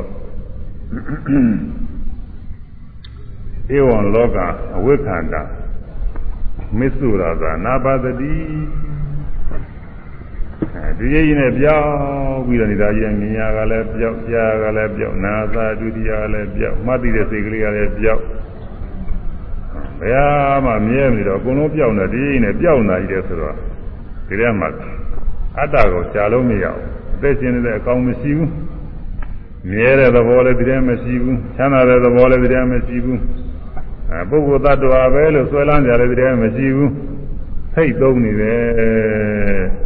တော်ရဲရောက်တဲ့အခါလူမရှိလို့လူစိတ်နေတယ်လို့ပဲဘာမရှိတဲ့နေရာသွားနာထောင်လို့ရှိရင်ဘာသာမှမကြလို့တိတ်ဆိတ်နေတယ်လို့ပဲမြင်နိုင်ကြတဲ့ဓဝါ၆ပါးတည်နေပေါ်တဲ့တရားရည်ရှုနေရတာကိုအမှကောင်းတဲ့အခါမှာဒါကအမှကောင်းမှုတဲ့ပုဂ္ဂိုလ်တွေမှသိမှာမကောင်းသေးတဲ့မှတ်ခါသာပုဂ္ဂိုလ်ကအဲ့ဒါတော့မရောက်သေးတော့မသိသေးဘူးအဲ့ဒီပင်ကညာရောက်လို့သူအပြင်တော့သင်္ခါရုပ္ပကညာပို့ပြီးတော့ရှင်းတာပေါ့အဲ့ဒီသူတိုင်းသူတိုင်းဟာတကားတယ် ဒီကြီးကြီးနဲ့ပြောင်းနေတာလေးတွေသတိရဲ့သိနေရသိတာလေးတွေလည်းသိပြီးရင်ပြောင်းသိပြီးရင်ပြောင်းလိုက်တော့မပြောက်တဲ့မြဲတည်တဲ့တရားတခုမှမရှိဘူးဒါတော့မြဲတဲ့တရားလည်းပဲအဲ့ဒီတည်းမရှိဘူးမမြဲတော့ချမ်းသာတဲ့တရားလည်းပဲမရှိဘူးအာကိုးစရာမရှိဘူး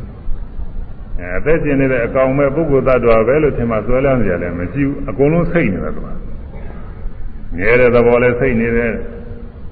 ချမ်းသာတဲ့သဘောလည်းစိတ်နေတဲ့ပဂရိကကောင်းတယ်လှပါတယ်တင့်တယ်ဒီလိုထင်နေတဲ့သဘောတွေပေါ်တယ်အစတုန်းကတော့ငမနာဟန်ကြီးပါကြီးဖြစ်နေတာကိုယ်ကိုယ်နဲ့ကိုယ်ကအခုဒီနဲ့ပြောင်းနေတာကြီးတဲ့တွေ့ရတော့ဘာမှအသုံးမကျတာတွေဖြစ်တယ်အဲတော့ကောင်းတဲ့သဘောဒုက္ခသဘောတွေပေါ့ချမ်းသာတဲ့သဘောတွေဒါတွေလည်းစိတ်စိတ်စိတ်အသာတုန်းကတော့အသက်ရှင်နေတဲ့အကောင်ကြီးတကယ်ဟုတ်နေအခုအကောင်လည်းမရှိဘူးသူကကြီးကြီးနဲ့ကြောက်လာကြီးတယ်ရှိတော့အတ္တသဘောလည်းစိတ် နေသဒုက္ခအတ္တသဘောတွေစိတ်နေအောင်ရှင်းရမယ်အဲဒီလိုရှုလို့ရှိရင်ရှုတိုင်းရှုတိုင်းဘာဖြစ်တော့ဧဝံလောကဝေခန္တာမစ္ဆုရာဇာနာပါတတိဧဝံဤသို့နိစ္စသဘောဒုက္ခသောအတ္တသဘောမှစိတ်သောအပြင်လောကလောကဝေခန္တာရှုမြင်နိုင်သောပုဂ္ဂိုလ်ကိုမစ္ဆုရာဇာသိမင်းမိနာပါတတိမမြင်မတွေ့တော့သည် သင်မင်းကြီးမတွေ့နိုင်တော့ဘူးတဲ့သင်မင်းကပုံးတယ်နည်းဆိုတာပေါ့လောကမှာဟိုတူတူပုံးတယ်ဆိုတာတော့ပဲအဲတူတူပုံးတယ်ဆိုတာအဖော်တွေမမြင်ရအောင်လို့သူကဝယ်တဲ့နေရာပုံးရတယ်အပုံးကောင်းလို့ရှိရင်မတွေ့ဘူးပုံးမကောင်းလို့ရှိရင်တော့တွေ့သွားအခုသင်မင်းကြီးကမမြင်နိုင်အောင်လို့ကိုတရားထုတ်ရတာကိုသင်မင်းကြီးသင်မင်းဆိုဘယ်သူတွေတုံးဆိုအရင်ဆိုတော့ခန္ဓာ၅ပါးပါပဲဒီခန္ဓာ၅ပါးကလိုက်တာတယ် အဲဒီခန္ဓာ၅ပါးကမတတ်နိုင်အောင်လို့ကိုတရားထုတ်တယ်တဲ့တရားထုတ်တော့အဲဒီသင်္ကညာကစပြီးတော့အဲဒီအတဲ့ပိုင်းမှာရှူရဲရှူရဲဟာဒီရင်းနဲ့ပြောင်းပြီးတော့နေတာတွေ့ရတယ်နိ5မိနစ်လောက်မှနေ5မိနစ်လောက်ဒီရင်းနဲ့ပြောင်းလာကြည့်တယ်ရှိတယ်10မိနစ်လောက်မှရင်10မိနစ်လောက်ဒီရင်းနဲ့ပြောင်းလာပဲရှိသင်္ခါရုပ္ပခညာကြလို့ရှိရင်သာပြီးတော့ကောင်းတယ်ကွာတဏှာကြီးတော့လည်းပဲဒီရင်းနဲ့ပြောင်းလာကြည့်တယ်ရှိတယ်ဘာမှပုဂ္ဂိုလ်သတ္တဝါ ကောင်းတယ်လို့မပေါ်ဘူးကိုယ်ကိုယ်လည်းမစဉ်းစားမိဘူးသူများကိုယ်လည်းမစဉ်းစားမိဘူးလောကအကြောင်းလည်းမစဉ်းစားမိဘူးဒီအိမ်နဲ့ပြောက်နေတာလေးပဲတွေ့တယ်အဲတော့သုံးညာတော့နေဆမြဲတဲ့သဘောမှလည်းစိတ်နေတာကိုသူတွေ့နေတယ်အာကိုစရာချမ်းသာအနေကောင်းတဲ့နေရာချင်းအဲဒီဒုက္ခသဘောနဲ့စိတ်နာတွေ့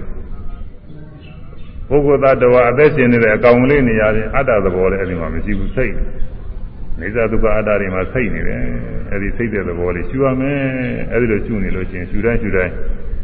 ဧဝံဤသို့နေသဒုက္ခအတ္တမှာစိတ်သောသဘောအပြင်လောကလောကကိုလောကဆိုတာခန္ဓာ၅ပါးပဲမြင်မှုကြားမှုတွေပဲဒါတွေပဲသူကဥပဒနာရှုနေတဲ့တရားတွေလောကဆိုလို့ခုညီရင်ကြီးနဲ့ကောင်းငင်ကြီးနဲ့ဥစ္စာတွေဂျိုတွေတားတွေဒါတွေပြောတာမဟုတ်ဘူးသူက အဲမိမိတဏ္ဍာကရှိတဲ့ယုံနာတရားတွေခန္ဓာ၅ပါးတွေကိုပြောတာလောကံခန္ဓာ၅ပါးဒီကုသိုလ်လောကခန္ဓာ၅ပါးဆိုတာလည်းဘာလို့ဆိုမြင်မှုကြမှုတွေပဲခန္ဓာ၅ပါးဆိုအလုံးလုံးနေမဟုတ်ဘူးသူကမြင်တာခန္ဓာ၅ပါးပဲကြားတာခန္ဓာ၅ပါးနာနာသတ္တဒုတိယခန္ဓာ၅ပါးသိကုသဇာတိခန္ဓာ၅ပါးရှုမှတ်တာလည်းခန္ဓာ၅ပါးပဲဘုန်းလုံးခန္ဓာ၅ပါးတွေခုနကခွဲခဲ့တယ်ရှုမှတ်တာပဲနဲ့လို့ခန္ဓာ၅ပါးတော့ရှုမှတ်တဲ့ခါကလာမှာရှုမှတ်တဲ့စိတ်က နာခန္ဓာ၄ပါးပေါ့ရှုမှတ်တယ်ဆိုတာမှတ်တိုင်းမှတ်တိုင်းမှတ်သိတာနာခန္ဓာ၄ပါးပဲသိုံမြလေးကဝိညာဉ်နဲ့ခန္ဓာအဲမှတ်သိတဲ့သဘောတည်းမှာအဲဝမ်းမြောက်ဝမ်းသာနဲ့မှတ်သိနေတဲ့ခါတည်းရှိတယ်ဥဒိယပြညာဒီမှာဝမ်းသာလို့ကောင်းအဲဥပ္ပခါနဲ့လည်းရှိတယ်တခါအဲဒီဝမ်းမြောက်ဝမ်းသာမဖြစ်လို့ရှိရင်ဥပ္ပခါနဲ့အညီမျှရှိတယ် အဲဒါဝေဒနာပဲလူကဟိုနှလုံးမသားတော့မရှိဘူးဝိပဿနာကျူတာတဲ့နှလုံးမသားတော့မပေါ့နှလုံးမသားရောက်သွားရင်ဒါဝိပဿနာမဟုတ်ပြင်ကားဖြစ်လာအဲဝေဒနာပါတယ်အဲဒီမှတ်သိတဲ့သဘောလေးလည်းပဲသူကနောက်ကလာရင်မှတ်သားတဲ့ဘောပညာလေးလည်းပါသေးတာပဲဒါကြောင့်ပြန်စဉ်းစားလို့ရှိရင်ဘယ်လိုသိနေတာပဲဆိုတာလေးပေါ်လာတယ်ပညာလေးလည်းပါတယ်မှတ်သိမှုဖြစ်အောင်အားထုတ်ပေးနေတဲ့သဘောကသင်္ခါရသင်္ခါရခန္ဓာပါတယ်နာမ်ခန္ဓာ၄ပါးပဲ အဲ့ဒီနာမ်ခန္ဓာ၄ပါးဤမိယာဖြစ်တဲ့ယုတ်ကယုတ်ခန္ဓာပဲမိယာဖြစ်တာမိယာဖြစ်တဲ့အကြမ်းမြင်အားဖြင့်ကိုကြီးလို့ဆိုရမှာပေါ့ဒါကြရာဆရာတွေပြောတယ်ဆိုနှလုံးယုတ်တဲ့နှလုံးသားထဲမှာရှိတဲ့အဲဟရိယဝတ္ထုခေါ်တဲ့နှလုံးယုတ်အဲ့ဒီမှာမိဖြစ်တယ်အဲလူရင်းတော့ဒီကိုကြီးရဲ့တည်ဖြစ်တယ်ဆိုတော့သိရင်တော်ပါပြီဒါပါပဲဒီမှာဒီယာယုတ်ဒီယာယုတ်ကယုတ်ခန္ဓာမှတ်သိနေတဲ့သဘောကနာခန္ဓာပေါင်းလိုက်လို့ရှိရင်ခန္ဓာ၅ပါးပဲ အားကြောင့်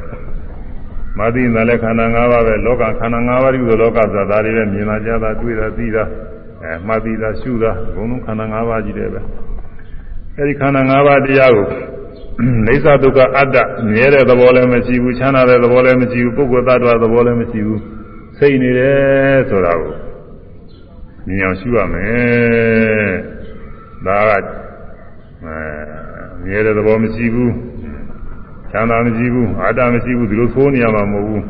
ဒီလိုညင်းနေုံနဲ့ထင်မှာမဟုတ်ဘူးဒီလိုကဒါကဒီလိုညင်းနေညင်းတာရှိမှာပဲဘာမှထင်မှာမဟုတ်ဘူးအဲစိတ်တိုင်းဒီတိုင်းနေလောက်ပြီးတော့ရှုလို့ရှိရင်တော့ဒီတိုင်းထင်တယ်ရေရေရေနဲ့တခါလဲပင်ကညာရောက်ပြီးတော့စပြီးတော့အဲအထက်ပိုင်းညာနေမှာဆိုဒီတိုင်းမဲ့တင်တယ်ဒီကြီးနဲ့ကြောက်နာကြီးတဲ့တင်တာမှားရတဲ့အာယုံနဲ့ရိတ်ကနေကြောက်ရိတ်ကနေကြောက်မတိတဲ့စိတ်ကလေးရပြီးပြီးကြောက်ပြီးပြီးကြောက်တင်နေတော့ဒီထဲမှာမြဲတဲ့သဘောရှားလို့မရဘူးချမ်းသာတဲ့သဘောရှားလို့မရဘူး ရှားလည်းမရှားပါဘူးအတ္တအသက်ရှင်နေတယ်အကောင်လေးဆိုလည်းဒီထဲမှာရှားလို့မရဘူးရှားလည်းပဲမရှားဘူးအခုယောဂီကတခါတည်းမှတ်ယုံမှတ်သွားတယ်ဒီကြီးနဲ့သူကကျင်းတယ်အဲဒီတော့နေသဒုက္ခ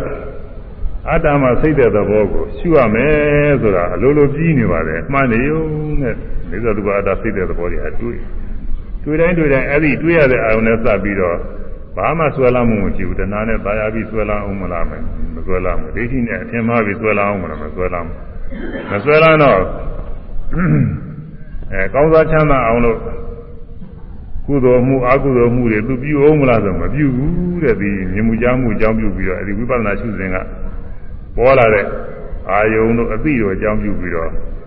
ဘာမှသူမလုပ်ပါဘူး ကာမဖြစ်ဘူးကာမဖြစ်တော့ကိုဘဝအသေးအကျိုးမပေးဘူးမပေးတော့ဇာတိတို့သရာတို့မရဏတို့ဆိုတာဖြစ်ချင်းပူခြင်းသေခြင်းဆိုတာမရှိဘူးအဲ့ဒါဟာသင်မင်းကနေပြီးလွတ်မြောက်နေတာတဲ့ရှူတိုင်းရှူတိုင်းသင်မင်းကလွတ်မြောက်နောက်ဒီစင်တိုင်းသွားလို့အရိယမညာဘုံညာနေရောက်သွားနောက်ဆုံးအရဟတမညာရောက်တဲ့အခါကျတော့အဲဒီမှာကိလေသာတွေအကုန်ကုန်တယ် အဲဒီဘဝယုံနာခန္ဓာသုံးတဲ့အခါပြိဋိမာစုပြီးဆိုပြီးတဲ့နောက်ဘဝတည်းလုံးလုံးမရှိရတော့ဘူးအဲဒီမှာတော့တခါတည်းဝိညာဉ်နာချင်းသိချင်းဆိုတာလုံးလုံးမရှိတော့ဘူးအဲဒီကြတော့မှလုံးဝကင်းတယ်အဲဒီမရောက်ခင်တော့ရှုမှတ်မိတဲ့အာယုန်တွေနဲ့စပ်ပြီးတော့ဝိညာဉ်နာချင်းသိချင်းတွေကင်းတယ်အဲဒါအကြောင်းပြုပြီးတော့ဘုညာတော်လောကဝိခတောမောဂရာဇပဒါတတောဧဝလောကဝိခန္တံမစ္စုရာဇနာပတတိ မောဂရာဇမောဂရာဇရတိလောကံလောကကိုလောကံမြင်မှုကြားမှုအစရှိသောခန္ဓာ၅ပါးဤဟူသောလောကကိုဘုညာတော်မြဲတဲ့သဘောမှစိတ်တည်ဟုချမ်းသာတဲ့သဘောမှစိတ်တည်ဟုအဲအသက်ရှင်နေတဲ့အတ္တသဘောမှစိတ်တည်ဟုအဝိခတုရှုလိုက်ပါလောဧဝံဤသို့မြဲတဲ့သဘောချမ်းသာတဲ့သဘော အတ္တကောင်သဘောမှစိတ်တည်ဟုအဝိခန္တံလောကံခန္ဓာ၅ပါးဤသောလောကလောကမြင်မှုကြားမှုစသဖြင့်သောခန္ဓာ၅ပါးဤလောကဝေခန္တံရှုရနေသောပုဂ္ဂိုလ်ကိုမေစုရာသာသိမင်းကြီးသည်နဘသတိမမြင်မတွေ့တော့ပြီတဲ့သိမင်းမမြင်နိုင်ဘူးတဲ့တော့သိခြင်းတရားကင်းရလွတ်ရကိုရောက်တာဒီလိုအားထုတ်ရမယ်တဲ့အခုအဲခန္ဓာ၅ပါးဤဟူ သောသုဒသမားကြီးမမြင်အောင်လို့ကိုအားထုတ်ရတာကိုမတိုင်းမတိုင်းတာဖြစ်အဲ့ဒါပါပဲအဲဒီအဝိပဿနာညာအစဉ်တိုင်းတက်တော့နောက်ဆုံးအရိယာမဉ္ဇဉ်နဲ့အစဉ်တိုင်းအရဟတမဉ္ဇဉ်ရောက်တဲ့အခါကျလုံးလုံးသေမင်းကြီးကမမြင်တော့ဘူးတဲ့သေမင်းကြီးမတတ်နိုင်တော့ဘူးတဲ့ဒါပါပဲအဲဒီဒီဒီဒီသွားတိုင်းအားထုတ်အောင်လို့ ခန္ဓာ၅ပါးဟာသူသားယောက်ျားကြီး၅ဦးနဲ့တူတယ်လို့ဒီအာသီဝိသောဗမသုံးမှာဟောတာကဒီပြောင်းအားထုတ်ဖို့ရတယ်ဒါကမ္မဋ္ဌာန်းတစ်ခုပဲဒီခန္ဓာ၅ပါးနဲ့စပ်ပြီးတော့လည်းနိဗ္ဗာန်ရောက်အောင်တရားထုတ်တဲ့နည်းတစ်ခုပဲတက္ကရာကပြောတယ်အခုဘုန်းကြီးပြောတာလည်းအဲ့ဒီရောက်သွားပြီသုံးနေပြီဆိုတာအဲ့ဒါမြတ်စွာဘုရားလည်းတော်ကသာရကလေးတစ်ခုတော့ထိုးအောင်ပါတော့ဒါသာရကဝတ္ထုလေးနဲ့မှမှတ်လို့ပြုလို့လွယ်တယ် မြတ်စွာဘုရားလည်းတော်ကဝဇိရာဆိုတဲ့ညာမိမ့်မပေါ့ဘိက္ခုနီမညာမိမ့်မရှိဝဇိရာဆိုစိတ်ဟောပဲခုနကတော့ကတော့ဝသက်စိတ်မျိုးပဲဒါတော့ဗမာနာမည်လည်းခေါ်ရင်ချင်းဒီဥစ္စာမသိလို့ခေါ်မှာပေါ့လေတော့သိလို့ခေါ်ရင်လည်းခေါ်နိုင်တာလည်းသူကဝဇိရာဟွန်းပြီးတာပါဠိတော်တော့ဝဇိရာဆိုတော့ညာမိမ့်မတဲ့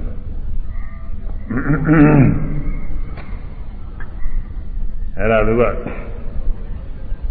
ညာနာမှာပါပဲသူကညာနာပဲ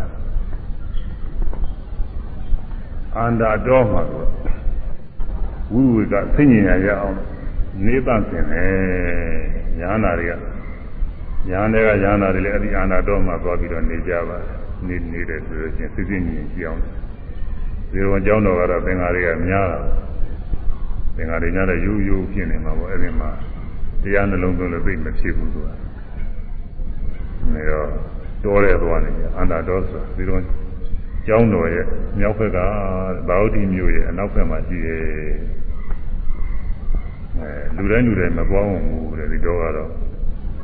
တော့ပဲဆိုတာဘုရုံးကလူကြီးသိမရဘူးမရဘူးမြို့ကြီးနားမှာပဲဒီတော်ကြီးရှိနေတယ်ဆိုတော့ လူနေသိမ့်မများတယ်ပေါ့လူနေများလို့ရှိရင်ဒီတော်ကြီးခုတ်ပြီးလေလောက်တာနဲ့ကုန်းမှာအခုတော့ဘာရှိတော့ဆိုတော့အခုအဲ့ဒီမှာပဲစင်းကုန်တော်တွေပါတယ်လေຢာတွေလောက်ထားတာပဲသူလူတွေများလာတော့တော်တွေလည်းမခံနိုင်ဘူးဘုံလုံးတော်တွေခုတ်ပြီးတော့လေလောက်ကြຢာလောက်ကြတခါကွင်းမြင်နေအကုန်ဖြစ်ကုန်တာတော့ဘိုးတော်ကလူကြီးသိများကုန်မရဘူးသာဝေကျမ်းကလည်းပြတာကတော့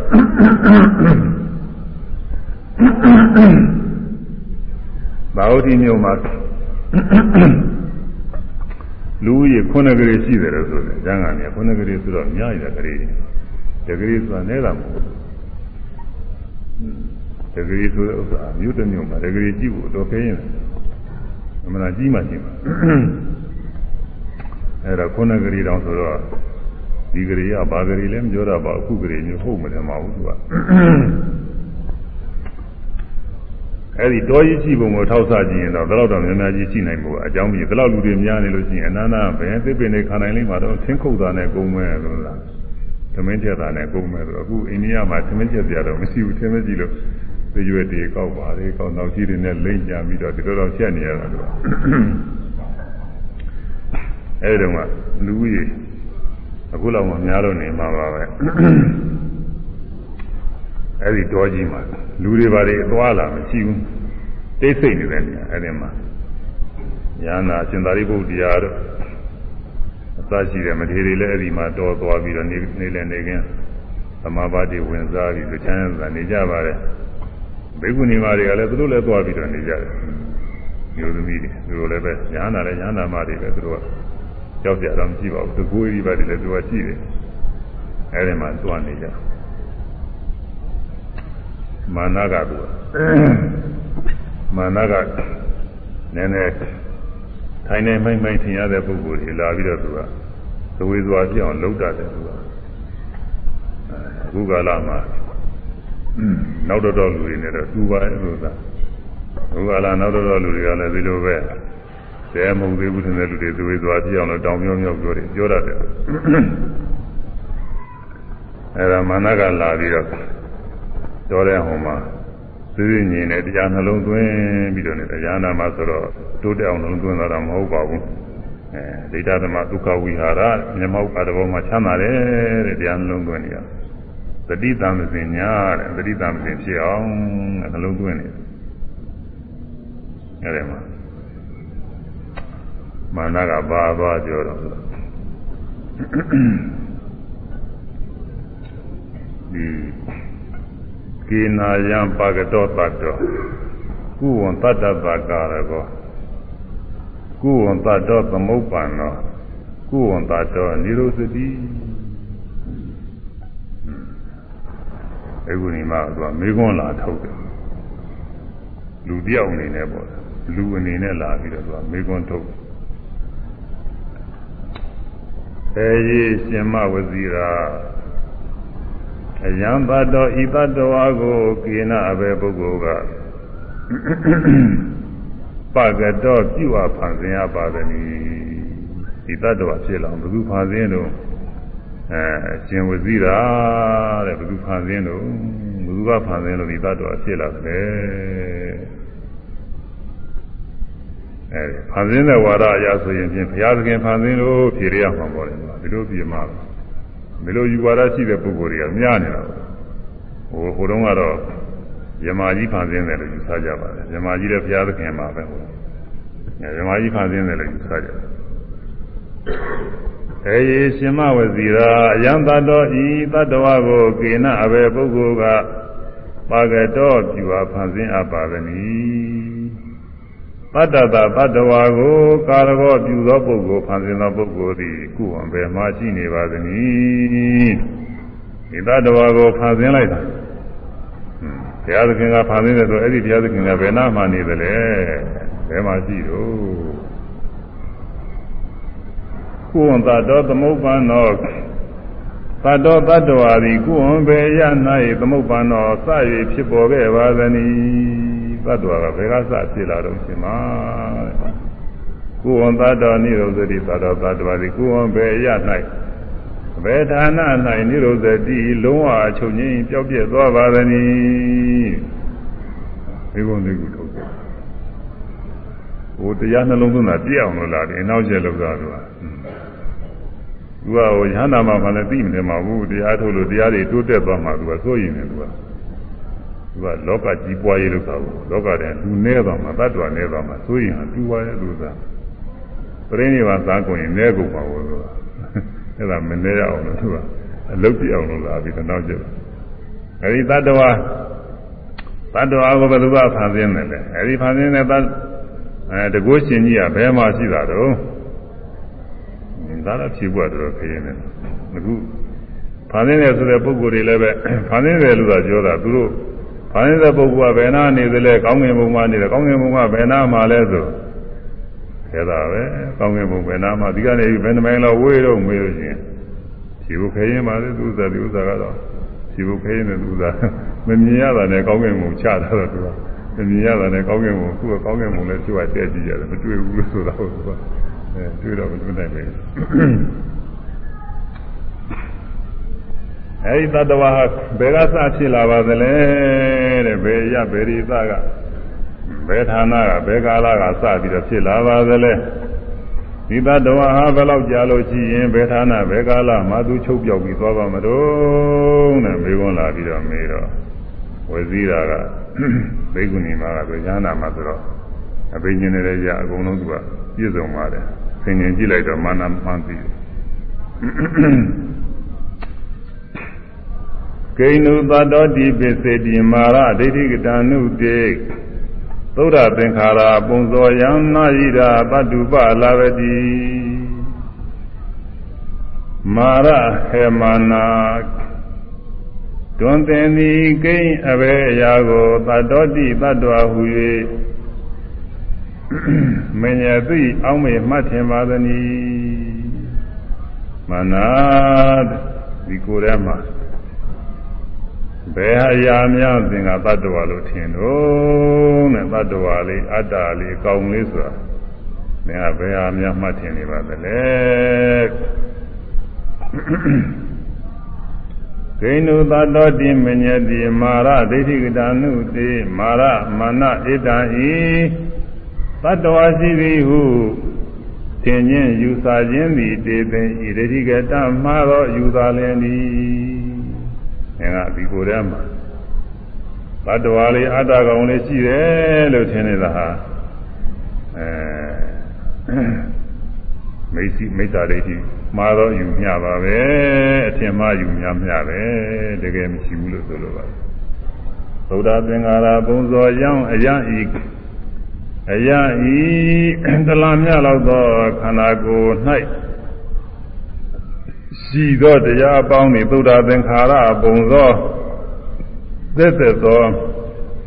သင်္ခါရအစုဝေးမြသာလည်းဤအယံဤပုဂ္ဂိုလ်တ attva စသည်ဖြင့်ခေါ်အပ်သောတလားမြလောသောခန္ဓာကိုယ်အတွင်း၌ပါဝင်သောတရားပေါင်းသည်သုဒ္ဓသင်္ခါရပုံသောသက်သက်သောသင်္ခါရတရားစုဝေးမြသာလည်းဤဒီတကူလုံးဟာ လူရဲ့နရဲ့ယောက်ျားရဲ့မိန်းမရဲ့ဒီလိုခေါ်ကြရတယ်တဲ့လောကဝဟာရအားဖြင့်အဲလိုခေါ်ရတဲ့ဥစ္စာဟာအနှစ်ချကြည့်ရင်ဒီတဲ့ဘာရှိတော့ဆိုသင်္ခါရတရားစုပါပဲမြင်တာသင်္ခါရတရားကြားတာသင်္ခါရတရားနာနာသင်္ခါရတရားသာတိတာသင်္ခါရတရားတွေးထီတာကသင်္ခါရတရားတွေးထီတာတွေအများကြီးပေါ့ကိုယ်တာတွေဆန္ဒတွေထိုင်တာထတာလှုပ်ရှားတာတွေ အဲဘုံမူတာတွေအကုန်လုံးပါတယ်သင်္ခါရတရားကြီးတယ်အဲသင်္ခါရတရားအစုမြကြီးတယ်ပဲနာယိရာသတ္တုပလဝတိဣဒဤသင်္ခါရတရားပေါင်း၌သတ္တောတတ္တဝါကိုနာဥပလဝတိမရအပ်ပြီဒီထဲမှာတတ္တဝါလို့ခေါ်စရာတရားမရှိဘူးတဲ့တတ္တဝါဘယ်မှမှမရှိပါဘူး သင်္ခါရတရားများပဲရှိတယ်လို့ဖြေကြပါတယ်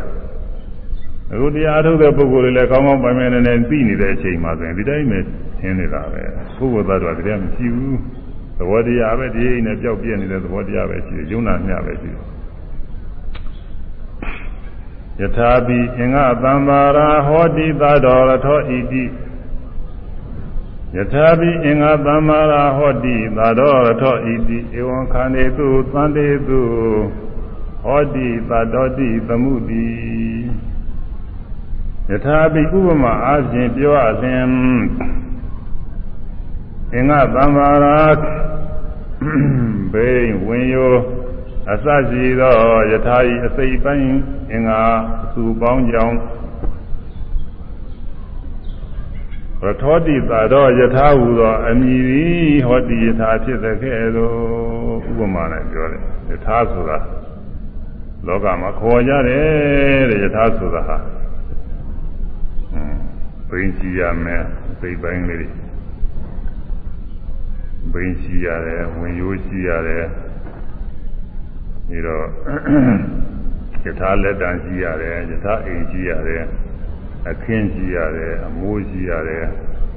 အဲစသည်ဖြင့်ပေါ်လို့သူစိတ်ပိုင်းလေးတွေအဲ့ဒါတွေဟာခုမြင်နေကြတာမြင်ထားတယ်လဲဆိုရင်လည်းပဲလဲကပို့ပြီးတော့သိတယ်လဲက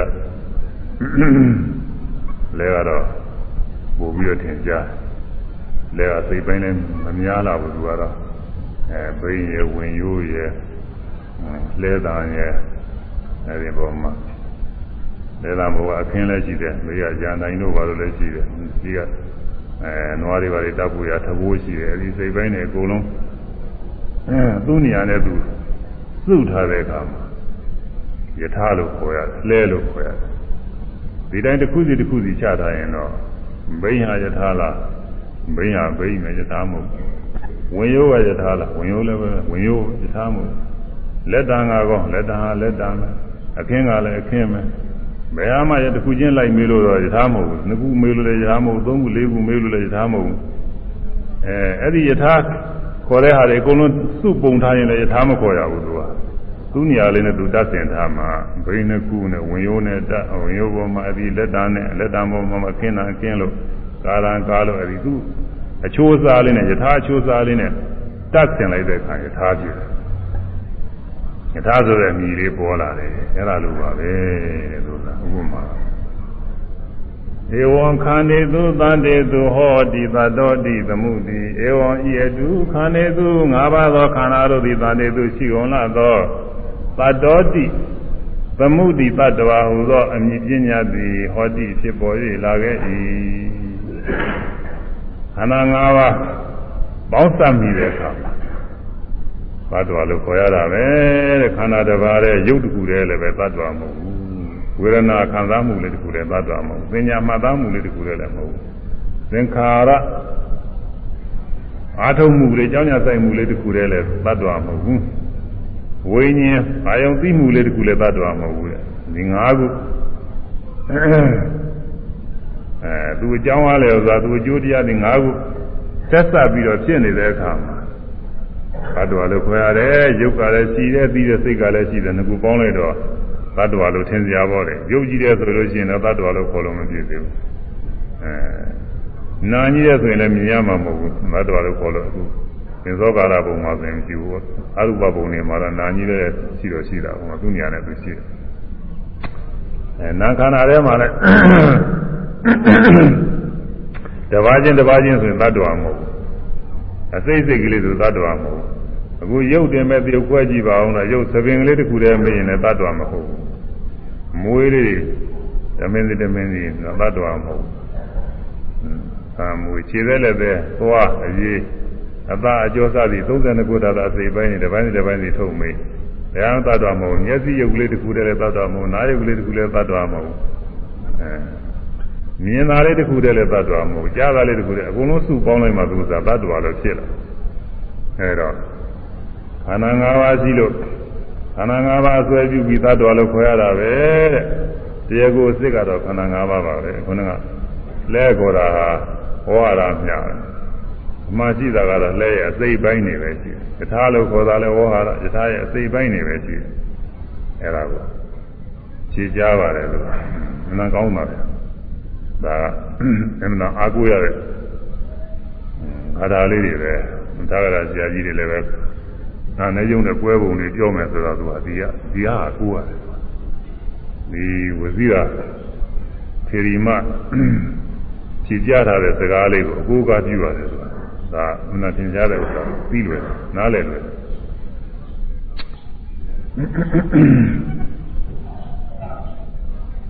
ဒုက္ခမေဝဟိသံဘောတိဒုက္ခံတိတတိဝေတိသနိညတာဒုက္ခသံဘောတိနိညာဒုက္ခនិရောဓတိ မာရဟေမနာဒုက္ခမေဝဆင်းရဲသူမြသည်သာလင်သံဘောတိဖြစ်ပေါ်၏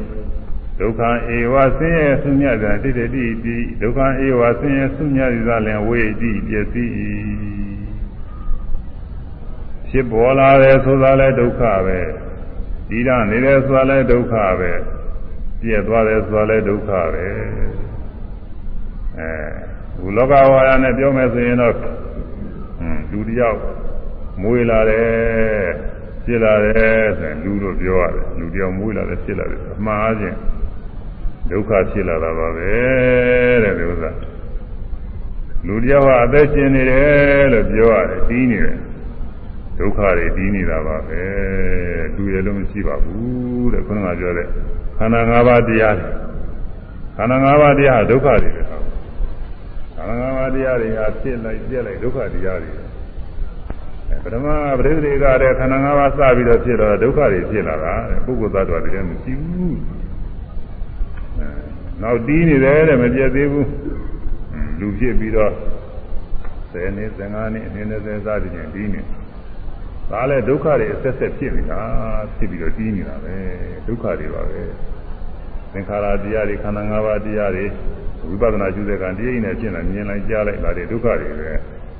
ဖြစ်ပြနေတဲ့တရားတွေ ဒုက္ခတွေနောက်လူတယောက်သေးသွားတယ်လို့ခေါ်ရတယ်လူသေးတာမဟုတ်ပါဘူးတဲ့ဒုက္ခတွေပြည့်သွားတာပဲဒုက္ခတွေချုပ်သွားတာသင်္ခါရဒုက္ခတွေပြည့်သွားတာပါပဲဒါပဲရှိတယ်လို့ဆိုတယ်ဒုက္ခမေဝဟိသံမောတိဒုက္ခတိတတိဝေတိဇာနိညတဒုက္ခသံမောတိနိညာဒုက္ခនិရောဓတိမာရယမနံဒုက္ခမေဝသင်္ခါရဒုက္ခဆင်းရဲစုမြသေးသာလင်သံမောတိဖြစ်ပေါ်လာ၏ ဒုက္ခမေဝသင်္ခါရဒုက္ခဆင်းရဲစုမြသည်သာလည်းဒိဋ္ဌိတိဒီလျက်ရှိဒုက္ခမေဝသင်္ခါရဒုက္ခဆင်းရဲစုမြသည်သာလည်းဝိတိပြည့်စည်၍သွားလေတော့ဤနိညတရဒုက္ခအညတရဒုက္ခဒုက္ခကိုကျင်ဖယ်ထား၍အဉ္ဉံတပါသောတရားသည်ဉာဏ်တပါသောတရားသည်ဝါအညောတပါသောပုဂ္ဂိုလ်သတ္တဝါသည်နာဥပ္ပစီဖြစ်ပေါ်လာသည်မဟုတ် ညတဒုက္ခသံမောတိဒုက္ခဆင်းရဲမှဝါဆင်းရဲကိုညတကျင်ထား၍အညောတပါးသောပုဂ္ဂိုလ်သတ္တဝါသည်နာသံမောတိဖြစ်ပေါ်လာသည်မဟုတ်အဲဒီဒုက္ခသင်္ခါရဒုက္ခတွေခန္ဓာ၅ပါးသင်္ခါရဒုက္ခတွေဖြစ်ပြနေတဲ့တရားတွေနှုတ်လိုက်လို့ရှိရင်တဲ့ဒီမှာတော့အလုတ်ဖြစ်တဲ့ပုဂ္ဂိုလ်သတ္တဝါဖြစ်လာတာမရှိပါဘူး။ညတဒုက္ခသံမောတိနိညာဒုက္ခនិရောဓတိ ဒုက္ခအဆင်းရဲဒုက္ခမှဒုက္ခသင်္ခါရဒုက္ခမှအញ្ញံတပါသောအရာဝတ္ထုသည်နာနိရောဇတိချုပ်သည်မဟုတ်ချုပ်သွားတယ်ပြည့်သွားတယ်ဘေးသွားတယ်ဆိုတာလည်းပဲဒုက္ခပါပဲဒုက္ခမှာတပါတော့ချုပ်တာပြည့်တာဘေးတာလည်းမရှိပါဘူးအမနာကမေးတာပဲနဲ့မေးတော့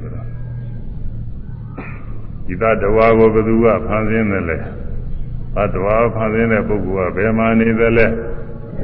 ဒီသတ္တဝါကဘယ်ကစပြီးတော့ဖြစ်ပေါ်လာသလဲဒီသတ္တဝါကဘယ်မှာသုံးသသွားမလဲသူကမေးတာကိုသတ္တဝါနဲ့မေးတာတိုင်းတယ်အဲပဇီရာ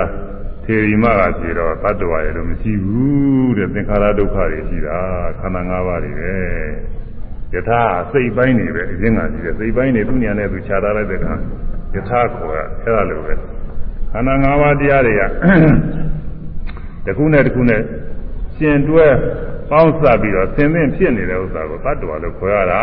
အမှန်စင်အားဖြင့်သင်္ခါရဒုက္ခခန္ဓာ၅ပါးတရားပဲရှိတယ်ခဏမစဲဖြစ်ပြနေတဲ့တရားတွေအခုမြင်လိုက်ကြည်ကြည်သာကြားလိုက်ဖြစ်တယ်ဒါတွေပဲသူကမြင်တယ်ကြားတယ်ဆိုတော့အသေးစိတ်ကလေးဒါလေးတွေမနာသိနှုတ်ပြီးသိနှုတ်ပြီးတော့နေ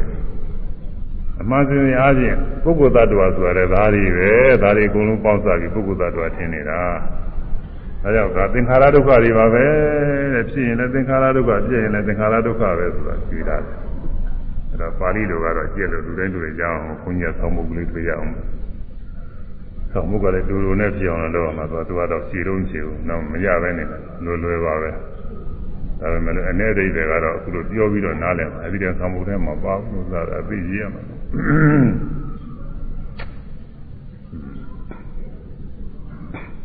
ယထာကအစိတ်ပိုင်းနေပါယထာခေါ်တာအစိတ်ပိုင်းများယထာခေါ်တွင်ပေါ့အစိတ်ပိုင်းများတွေပေါ့သူပေါင်းပြီးတော့ယထာဝီခေါ်တွင်သည်ဒါတပိုက်ဆိုတာခொနက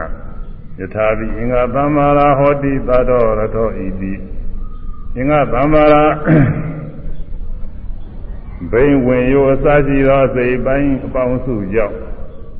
ရထောတိသာတော်ယထာဟုသောအမိပညာသည်ဟောတိထာဖြစ်တဲ့ခဲ့သို့ဒါလေးကိုဘုန်းကြီးတူတူလေးနဲ့ပြီးအောင်လို့အစိတ်ပိုင်းများယထာခေါ်တွင်လို့ဆိုနားလည်ပါအစိတ်ပိုင်းများကိုယထာဟုခေါ်သည်အစိတ်ပိုင်းများတာရှိတယ်ယထာရဲ့လို့ပြီးတာမရှိဒါအိဗယ်ပေါ်လာခန္ဓာ၅ပါးပတ္တမြည်တွင်တဲ့ခန္ဓာ၅ပါးသာရှိတယ် စိတ်ပိုင်းပုဂ္ဂိုလ်သတ္တဝါလို့ခေါ်တဲ့ခန္ဓာ၅ပါးစိတ်ပိုင်းသာရှိတယ်ပုဂ္ဂိုလ်သတ္တဝါရဲ့လို့တပိဋကအထေဝုဒ္ဓမရှိဘူးခန္ဓာ၅ပါးပတ္တမြည်တွင်ပြီးတော့နောက်နောက်တကတာအခုအကာတာနှစ်ခုကိုဘုန်းကြီးကတရားတစ်ပိုက်တည်းနဲ့ပြီးအောင်တူတူလို့သာတော့မှားရပြောတယ်ဖဲနေမှာဒုက္ခမေဝါဤသံဘောဒီဒုက္ခဒိဋ္ဌိဝေတိသအဲ စာဖြစ်လာတာလဲဆင်းရဲပဲအလဲပိုင်းဒီနေတယ်ဆိုတာလဲဆင်းရဲပဲအခုလူတွေအသက်ရှင်နေတယ်ဘယ်တော့ဆိုတာဒါတွေဆင်းရဲတွေပါပဲအဲနတ်တွေအသက်ရှင်နေဆင်းရဲပါပဲမြမကြီးကဘာကောင်းများစွာအသက်ရှင်နေဆင်းရဲပါပဲတဲ့ဆင်းရဲတွေဒီနေတာပါပဲတဲ့လူကအဲဒုက္ခမေဝါဤသံဘောဒီဒုက္ခဒိဋ္ဌိဝေတိသနောက်ဆုံးအဲလူသေးသွားပြီနတ်သေးသွားယမသေးသွားပြီဒါမှလူသေးတာမဟုတ်ပါဘူးနတ်သေးတာသင်္မာသေးတာတတ္တဝသေးတာမဟုတ်အသက်ကောင်တော်မရှိပါဘူးတဲ့ ခန္ဓာ၅ပါးယုံနာတရားဆင်းရဲတရားတွေပြည့်သွားတာပါပဲတဲ့ဒါကိုဖြစ်ပြီးဆင်းရဲကိုဖြစ်တာလဲဆင်းရဲတီးတာလဲဆင်းရဲဖြစ်ပြီးဆင်းရဲပြည့်လဲသူပင်ဖြစ်တယ်တီးတယ်ဆိုတာလဲဖြစ်နေတယ်လူတယောက်ဖြစ်လာတယ်မွေးလာတယ်ဆင်းရဲပဲတီးနေတဲ့အသက်ရှင်နေတယ်နေပေါင်းဘယ်လောက်ရှိနေပြီဆင်းရဲတွေတီးနေတာပဲ ဖြစ်ပြီးဆင်းရဲပြည့်လဲသူပဲပြည့်တယ်ဆိုတာလည်းဘယ်သူတော့သူပါပဲဆင်းရဲပါပဲ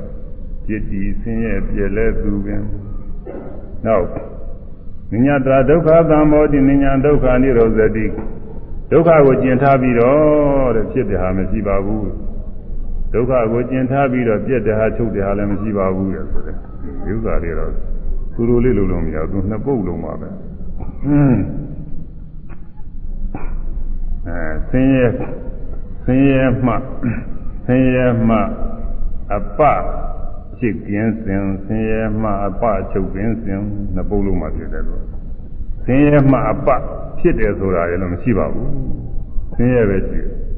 ဆင်းရဲမှချုပ်တယ်ပြည့်တယ်ဆိုတာမရှိပါဘူးဆင်းရဲပဲရှိတယ်ဆင်းရဲမှအပဖြစ်ကင်းစဉ်ဆင်းရဲမှအပချုပ်ကင်းစဉ်ငါးပိုက်ဖြစ်သွားတယ် လို့ထားမှာပဲဒီပြင်သုံးလို့မရအဲ့ဒါချုံလို့မရတော့ဒါရင်ဆိုရအစိတ်ပိုင်းများယထာခေါ်တွင်စိတ်ပိုင်းများယထာခေါ်တွင်သို့စိတ်ပိုင်းများယထာခေါ်တွင်စိတ်ပိုင်းများယထာခေါ်တွင်ခန္ဓာ၅ဝပတ္တမိတွင်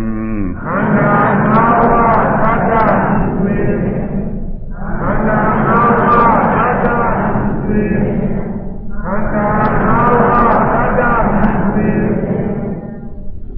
ဖြစ်တည်ဆင်းရဲပြည့်လဲသူပင်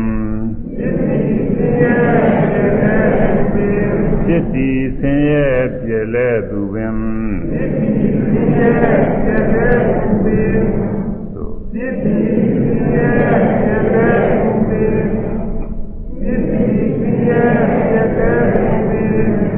ပင်ဆင်းရဲမှအပဖြစ်ကင်းစဉ်ဆင်းရဲမှဖြစ်ခြင်း ဆင်းရဲမှအပချုပ်ပင်စဉ်ဆင်းရဲမှပါတုဖြစ်ခြင်းဆင်းရဲမှအပဖြစ်ကင်းစဉ်ဆင်းရဲမှပါဖြစ်ခြင်းဆင်းရဲမှအပချုပ်ပင်စဉ်ဆင်းရဲမှပါတုဖြစ်ခြင်းသို့ဆင်းရဲမှပါဖြစ်ခြင်းဆ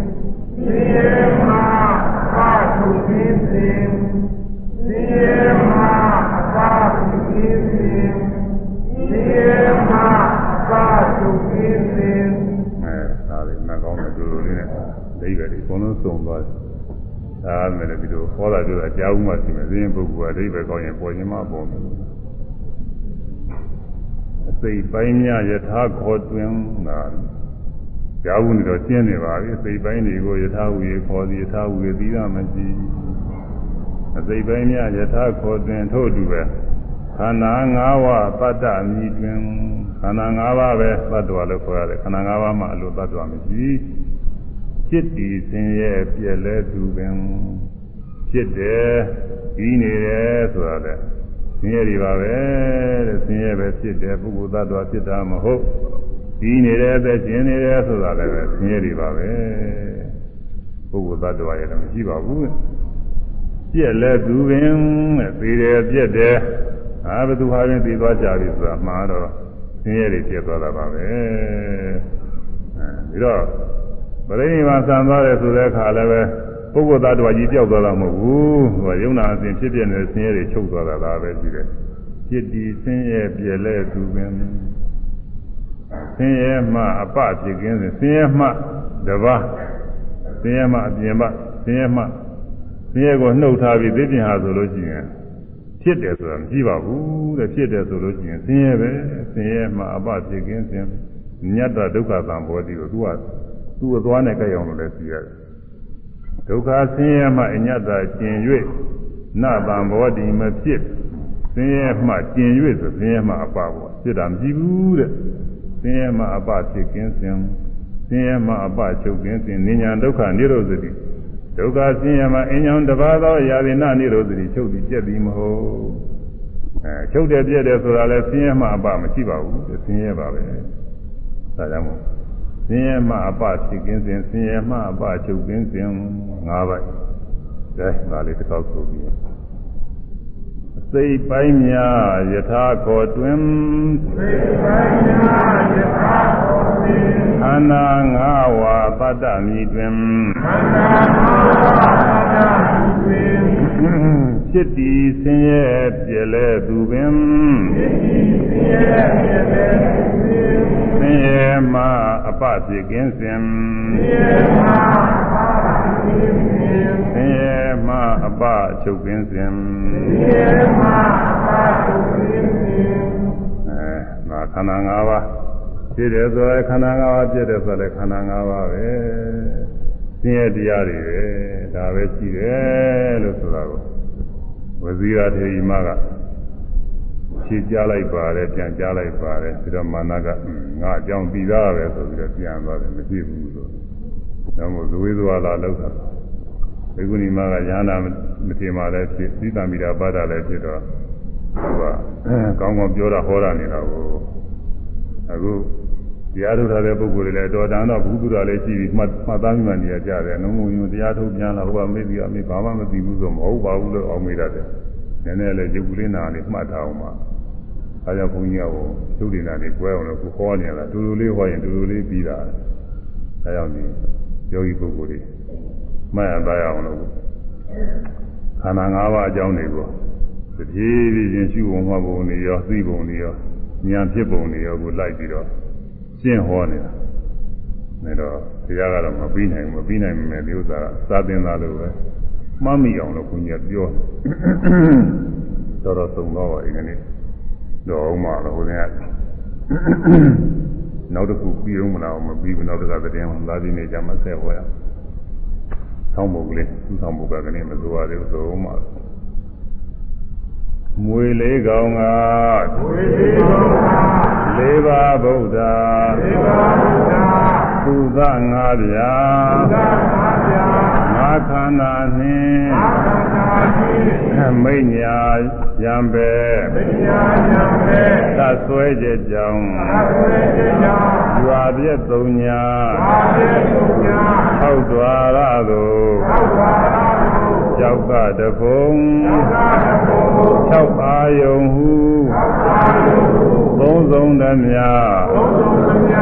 ဝင်လာကြသီ၍လာသာတိဘောဂလေးတွေဘောဂတိ မေ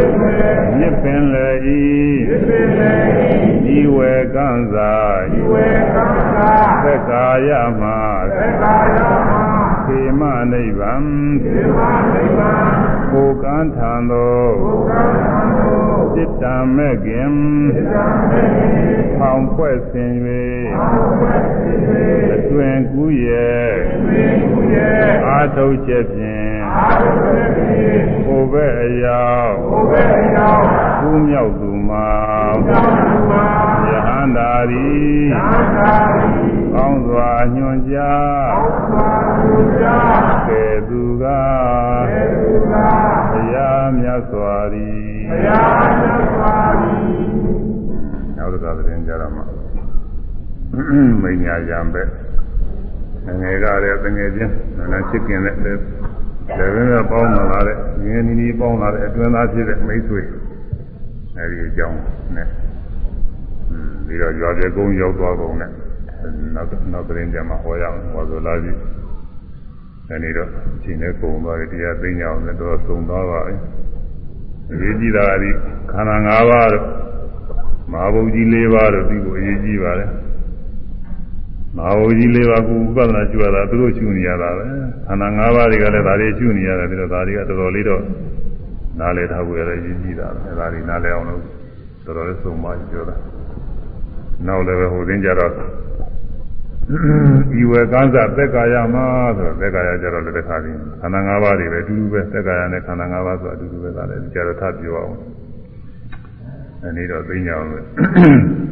ဒီအာသီဝိသောဗမသုတ်တံတရားတော်ယူဇာနာကမှာသာယသဓမ္မသောနာကုသကစေရနာရိဆွမ်းအနုဘောတို့ကြောင့်ဉာဏပရိသပေါင်းသူတော်ကောင်းတို့သည်ဘေးရန်အန္တရာယ်ကုသမြတော်မှာသာကသိင်ကင်းလွန်ညင်ညဝိသွားကြ၏ကိုယ်ချမ်းသာစိတ်ချမ်းသာခြင်းနဲ့ပြည့်စုံကြ၍ဤသုတ်တံဒေသနာတော်၌မြတ်စွာဘုရားဟောကြားတော်မူပါသောတရားနိလန်းတို့ကိုယူရစွာလိုက်နာကျင့်သောအခြင်းဒီဒေသနာ၌လာရှိသော ဥပါဒနဲ့ခန္ဓာ၅ပါးတရားတို့ပိုင်းခြားခြင်းနဲ့သိမြင်နိုင်ကြဝိပဿနာဉာဏ်စဉ်ယုံနာစဉ်ဖြင့်ဝိပဿနာဉာဏ်စဉ်အရိယာမဲ့ဉာဏ်စဉ်ဖြင့်ဉာဏ်ခသိဉာဏ်ရပြီသောနိဗ္ဗာန်ချမ်းသာမြတ်ကိုလင်းမြန်စွာဆက်ရောက်၍မြတ်မောပြုနိုင်ကြပါစေကုန်သတည်း